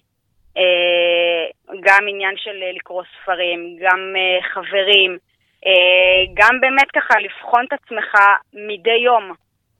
ברגע שאתה נמצא גם עם סביבה מנצחת, עם אנשים שאומרים, שאתה מתחיל לכתוב לעצמך, אתה מתחיל לפתח את התודעה שלך בצורה שונה, אתה גם לאט לאט מתחיל להאמין בעצמך. אתה אומר, רגע... זה הסביבה, זה הסביבה לגמרי. אני חושבת, בדיוק, כן. את... להיות שייכת זה... לקבוצה ולהיות עם אנשים שהם אה, אה, חושבים לביאות. כמוך, כן, כמו, כמו הקבוצה לגמרי. שלי, למשל. שהן לביאות, שהן לביאות, שהן חזקות, שהן... אה, זה גם נכון לגבי גברים שאת מקיפה סביבך? זאת אומרת, אני מדבר מבחינת חברים. לגמרי, לגמרי. אנחנו נמצאים בקהילה, יש לי חברים פתאום בני 20, בגיל 50, בגיל 60, ולכולם השיח המשותף שלנו זה להיות הגרסה הטובה ביותר של עצמנו. אז זה לא משנה עכשיו אם יש להם ילדים, אם יש להם נכדים, אם הם אה, סיימו צבא, יש מכנה משותף שהוא מאוד מאוד חזק, שהוא בסיס שאתה רואה רעל בעיניים. ממש לקום, להסתער כל יום על החיים של עצמך. מעולה. איפה אתה רוצה להיות, איפה אתה רוצה לראות את עצמך. איך הסטיילינג אה, פה, איך הסטיילינג פה אה, קשור? אז, אז אני אגיד, אז כמו שאמרתי, סטיילינג זה משהו שאני מאוד אוהבת באופן אישי. אה, וככה באיזה מפגש שהיה לנו עם כמה חברות, אה, לפני כמה חודשים, תשעה חודשים בערך, אה, אמרנו, אוקיי, כל אחת תספר על עצמה, תביא איזה משהו שהיא נורא אוהבת. ואני באותו זמן, ממקום באמת של חוסר אמון, אמרתי שזה מאוד חשוב, אמרתי, רגע, מה אני יכולה בכלל להביא? ושוב, זהבית, שהיא חברת נפש, היא אמרה לי, מה זאת אומרת? יש לך גם את זה וגם את זה וגם סטיילינג, ומפה לשם מצאתי, מצאתי את עצמי אה, מגיעה למפגש עם ממש גלויה שהכנתי A5, עם כל מיני טיפים. כי ידעתי שאני טובה בסטיילינג עבור עצמי, אבל אמרתי, אוקיי, אבל כלפי אנשים אחרים, לאנשים אחרים, ואיכשהו זה התחבר, ואיכשהו זה הרגיש לי טוב. והדבר השני היה לעשות אה, הרצאת זום בנושא סטיילינג, זאת אומרת, לפתח את אותה גלויה נורא נורא קטנה. שוב, זה מאוד צעדים קטנים שאתה צועד את עצמך כל יום כדי להיות בהמשך מתישהו איזשהו משהו שהוא לא, לא ברור לך. זאת אומרת, הדרך כאן היא נורא חשובה. ואם זה עולם הכתיבה, אז אה, זה להתחיל לעזור לחברים בלרענן כל מיני מסרים, בקופי, התחלתי להעלות לצורך העניין כל מיני פוסטים שלי על סיפורים אישיים שלי, חוויות שלי, ואז אני גם מקבלת שוב את הפידבקים מהסביבה שאני גם באמת טובה בכתיבה. אז רותם, אני, אני, רותם, רותם, mm-hmm. אני מצטער, אנחנו נצטרך קצת לקצר מהמתוכנן, אז את תצטרכי לסלוח לי, ואני בטוח שאנחנו נמשיך עוד לדבר. אז מי, ש... מי שרוצה ליצור איתך קשר ולדבר קצת על הסטיילינג ולדבר קצת על אה, אה, לקחת ממך טיפים ל copywriting, או, לחילופין, לתת, לקחת, לשכור את השירותים שלך, איך הוא יוצר איתך קשר? אז ככה, אז אני אענה על הכל ביחד. אז קודם כל, לאחרונה פתחתי אה, בלוג שנקרא רוטמיקו. זה בעצם משהו שמשלב את כל העולם, גם הסטיילינג, גם הכתיבה, גם הרצאה שעשיתי של אה, קוד הבמה או סדנה שעשיתי, ששוב, זה מאותם, מאותו עולם של בעצם להבין את עצמך, להבין מה הדרך שלך. ואני יכולה להגיד שמתוך אותו בלוג, זה בעצם רק היום, רק עכשיו, שנה אחרי, אני יכולה לראות ב vision שלי שאני משלבת אה, בייעוץ שלי את עולם הסטיילינג עם עולם ההתפתחות האישית, הערכה עצמית, דימוי עצמי. אה, זה, זה מאוד חשוב, יש על זה אין ספור מחקרים על, איך, על פסיכולוגיה של הלבוש, איך זה משפיע על דימוי והערכה עצמית, ואז פתאום זה גם הכל מתחבר, זאת אומרת, בניתי את הבלוג כחלק מהדרך שלי להבין לאן אני רוצה ללכת, ופתאום, רק עכשיו שנה אחרי, הכל ככה נזרק לי מול העיניים. אז אה, מי שרוצה גם עניין של סטיילינג, גם אה, כתיבה, אני כאן אה, לכל שאלה, לכל עזרה. אגב, גם גברים, גם גברים מתלבשים, אז נכון. זה לא רק לנשים. נכון. אתם מתלבשים, יש לכם צמידים, שעונים, איך אני לבוש היום? דרך אגב, איך אני לבוש היום? תסתכלי. אני, uh, אני, אני ראיתי אותך מרחוק, אם אני זוכרת, אתה שמת חולצה משובצת. נכון, זה טוב, לא טוב, מה את אומרת? ואנחנו נדבר, נדבר על זה, יש לי בעיה עם חולצות משובצות לגברים. כן? טוב, אז קודם כל ידעתי, ואמרתי, אני חייב ליצור, אמרתי, נבדוק אותך, אמרתי, אני אשים פה איזשהו מוקש, ובוא נראה היא תעלה עליו. אז שמתי פה בכוונה לראות את התגובה שלך, ועלית על זה, אני שמח. אני רק רוצה להגיד, רותם, שאני בדיוק הגעתי למקום שאת הגעת דרך האיפור. התחלתי באיפור, וגם גיליתי דרך האיפור שאני מצליחה להעצים נשים, ועם הכתיבה, והכל ממש אותה, אותה דרך. אז אה, בדיוק, חברתי ממש למה שאמרת. כל הנקודות מתחברות. אז אה, אם ככה לסכם לכם את הטיפים שלי, זה קודם כל... ולרשום בתגובות איך אפשר להשיג אותך, זה חשוב מאוד. לגמרי. אה, אז רק טיפים לסיכום, אני אקצר את זה, אני אעשה את זה זריז. קודם כל, תדעו שזו דרך ארוכה, זה לא מהיום למחר. תעזו ותנטרלו פחדים, ושלא יהיה לכם בראש מה אחרים אומרים. לגמרי. אני יכולה להגיד שהיום בבוקר בספר של רובין שרמה, השראה היומית, בדיוק בדרך של היום, רשום ש... בחינה עצמית היא בעצם הצעד הראשון לגדולה אישית. אז אין יותר מזה בשבילי, מבחינתי, למסר של היום, ותאמינו בעצמכם. נכון, זה המפתח, זה המפתח להכל. רותם, תודה רבה לך, אני מצטער שזה היה קצר ממה שתכננו, תודה רבה לך, רותם. אמרתי את כל מה שרציתי להגיד, ואם עזרתי וסייעתי, אני כאן. תודה לכם ויום מקסים. תודה רבה לך, רותם. יאללה, שיהיה לנו המשך, בינתיים אחלה יום שיהיה לך. אנחנו נצא לשיר אחד אה, לפני שנעלה את המאזינה הנוספת שלנו, שיר של הראל סקאט, לעוף. נכון, יש לנו...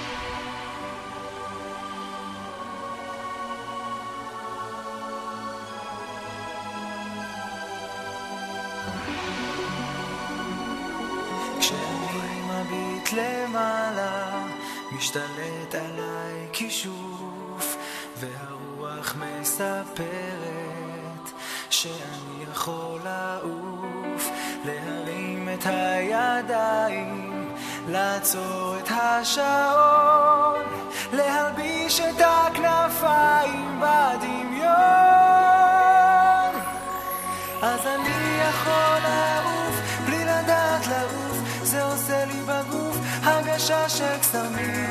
נעימים כמו. אני כמו עלה על המים, גם לכם מותר לחלום.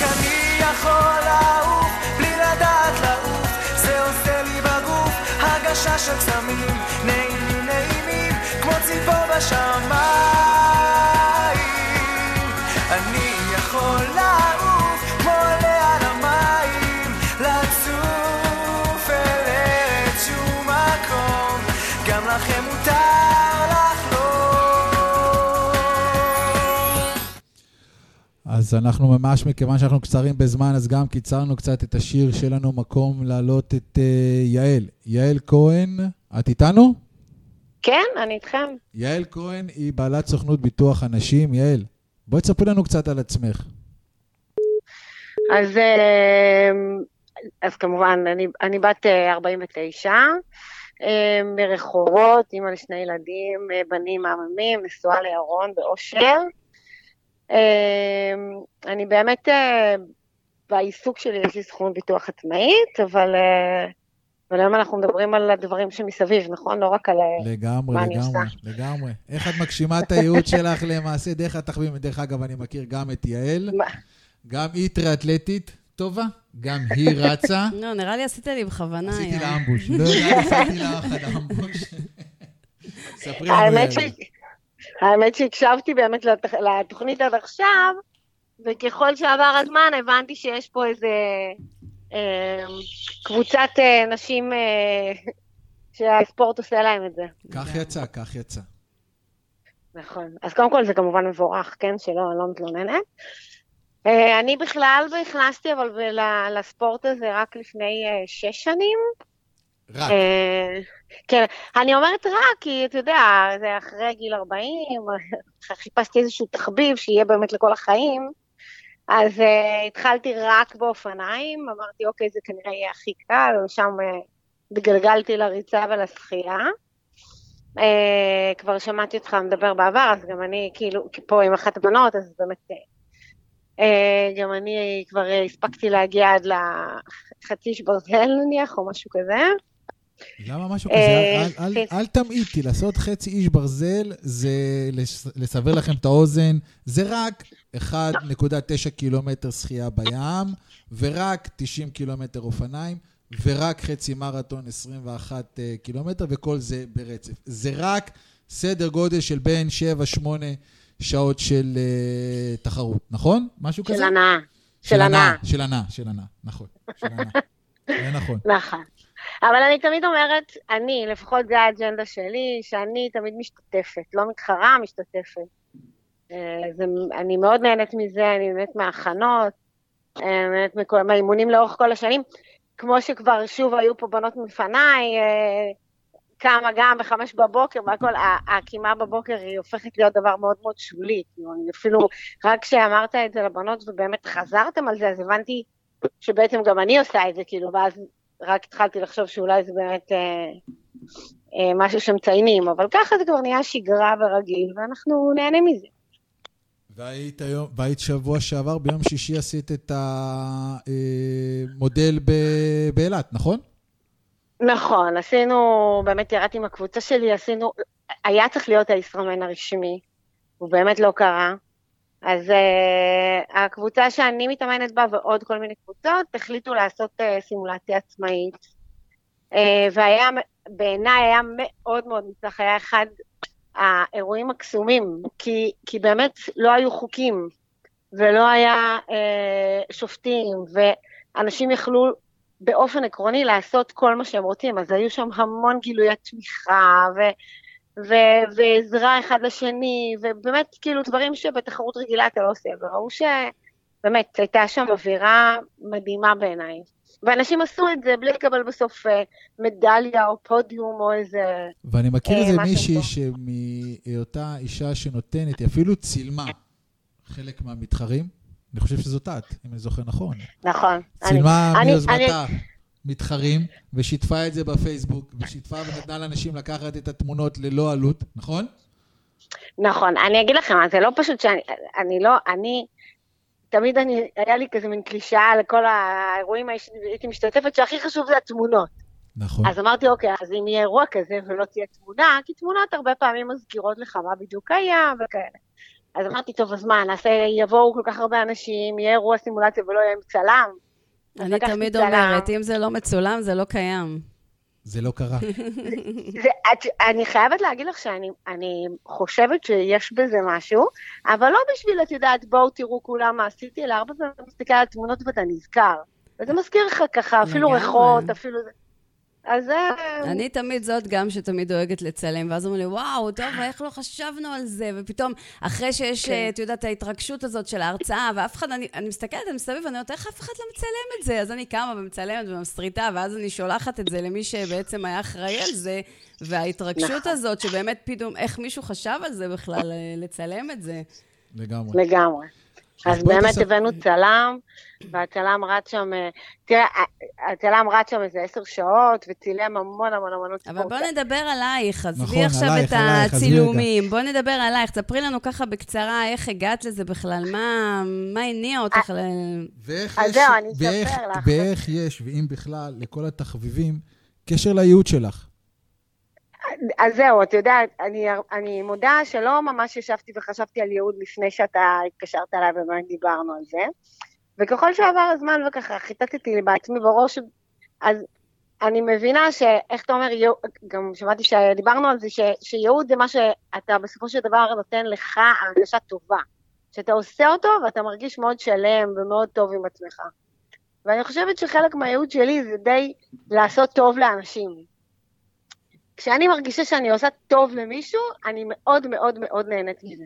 באמת, כאילו... אני חושבת שזה המחנה משותף של כל מי שדיברנו איתה היום. כן, לגמרי. לגמרי. לתת זה ממלא, כן. זה הכי ממלא שיש. זה, זה, אני, אני באמת, כאילו, המון המון פעמים, אני, אני לא אכפת לי מה אני אקבל בחזרה, ואם אני אקבל בחזרה, ואיך זה יהיה, ומה יגידו ומה לא יגידו.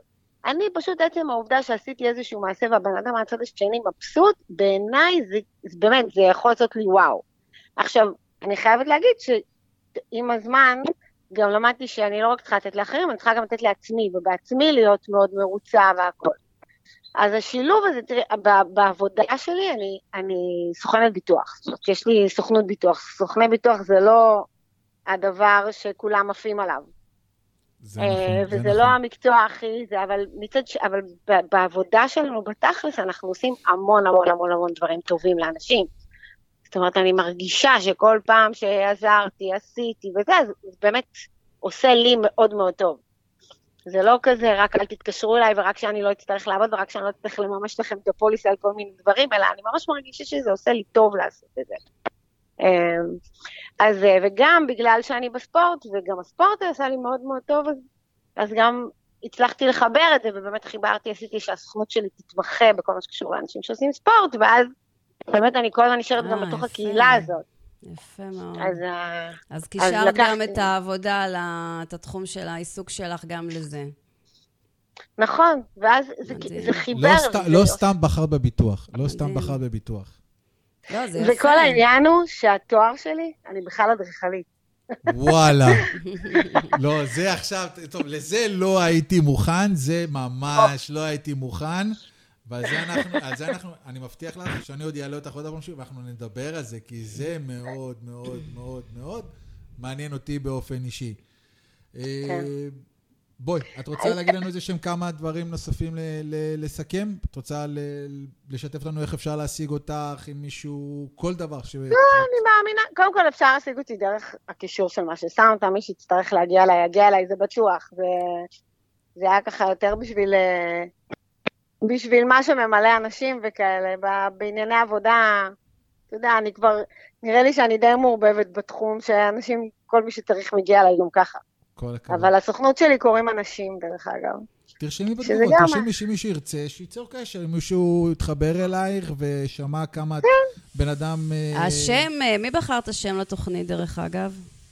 אה, כן, הייתה התייעצות, אחותי בסופו של דבר העלתה את הרעיון הזה, ואני ישר כתבתי אותו. וואלה. אה, שם נכון, חזק, נכון, שם חזק. ראיתי גם כן שיש גם תת אה, חברה שנקראת נשים. אה, זה נכון, היה איזשהו שלב שעשינו ככה מין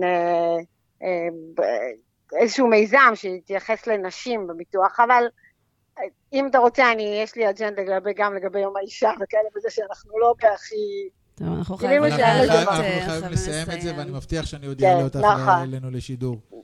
נכון, בסדר גמור. תודה רבה, יעל, תודה רבה. תודה, יעל, תודה רבה. ביי בינתיים להתראות. ואנחנו נצא לשיר אחד לפני האחרון, לפני שנעלה את המאזינה האחרונה שלנו להיום. נצא לשיר שאני באופן אישי טובה, כמו שאת יודעת, מאוד מאוד מאוד מאוד מאוד אוהב. איזה? חנן בן ארי. אלוף העולם, זה שיר שאני... אין אף אחד שלא, אין, אין מישהו שלא לא אוהב את השיר ש... הזה. אין, אין, זה שיר שמדבר ונוגע לכל אחד בכל מישור אפשרי. לגמרי. אז לשיר קצר, ואנחנו מעלים את המאזינה האחרונה להיום.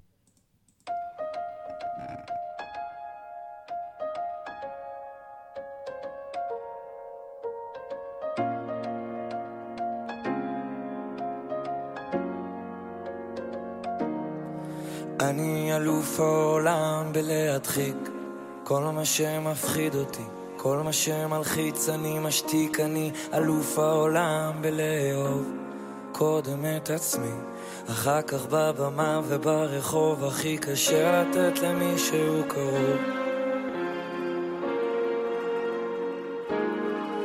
אני אלוף העולם בלא להיות, בלא לפתור לך את הבעיות אפילו התמונות שבקירות זה לא אני תליתי, אני אחראי רק על המנגינות. אני אלוף העולם, מליפול ולקום כמו גדול, אדירי, כמו חול. אני נשרף אבל בוחר בכל יום להמשיך לחיות. אני אלוף העולם, בלרצות לפחות לנסות, את תראי איך בסוף, אחרי ההפסדים, הניצחון הרבה יותר מתוק, אני אלוף העולם.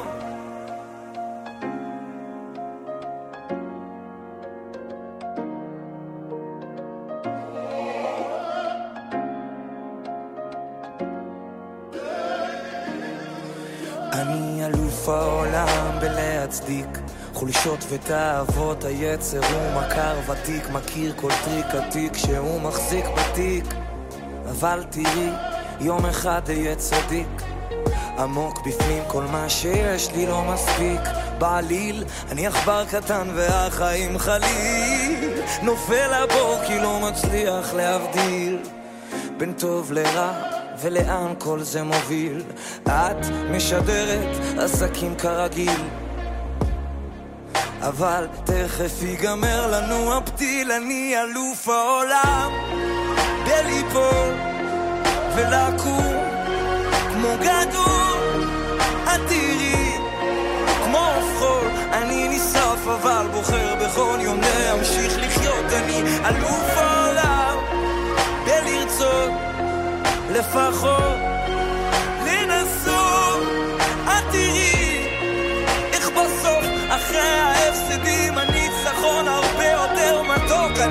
אלוף העולם.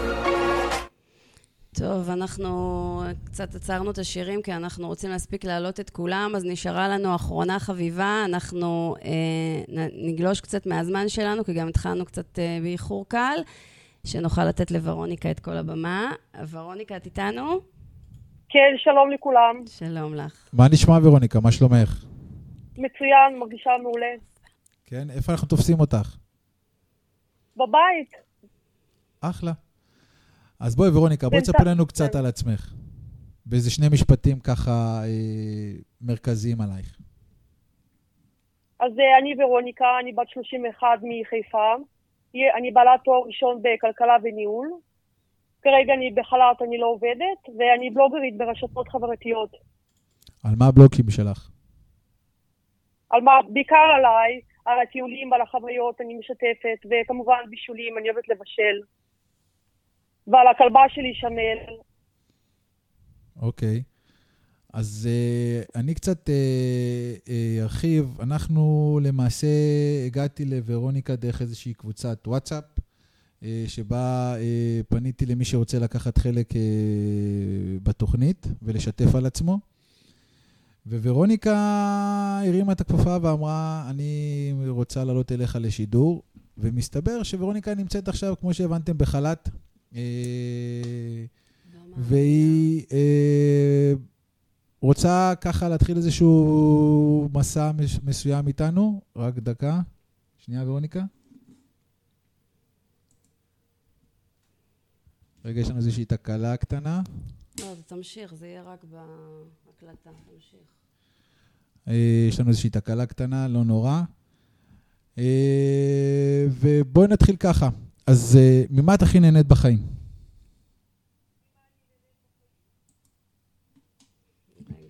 רגע, רק שנייה, אני לא שומע אותך, דקה. אני לא מאמינה. רגע, רגע, דקה, ורוניקה.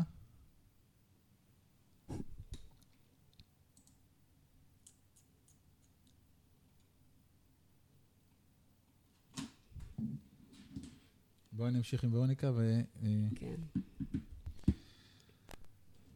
אנחנו, יש לנו תקלה, אני מצטער. השידור שלנו הסתיים אה, בפייסבוק. אה, אבל אה, זה יהיה בהקלטה. זה יהיה לנו לדבר. בהקלטה.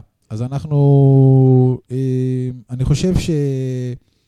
אני אקח את השיחה הזאת ואני אנצל אותה לתוכנית הבאה. מה את אומרת? כדי שיהיה לזה אפקט. כי אנחנו ירדנו מהשידור. כן. כן, אנחנו. ירדנו מהשידור. לפי דעתי גם. בסדר? אנחנו נמשיך את זה שבוע הבא, ורוניקה? בסדר, אין בעיה. בסדר? השידור שלנו. השידור שלנו הופסק ב- בפייסבוק. השידור שלנו הופסק. אה, אז או. נמשיך שבוע הבא. אנחנו כן. נמשיך שבוע הבא. אני מצטער, ורוניקה. לא נורא, תודה. יאללה, ביי בינתיים.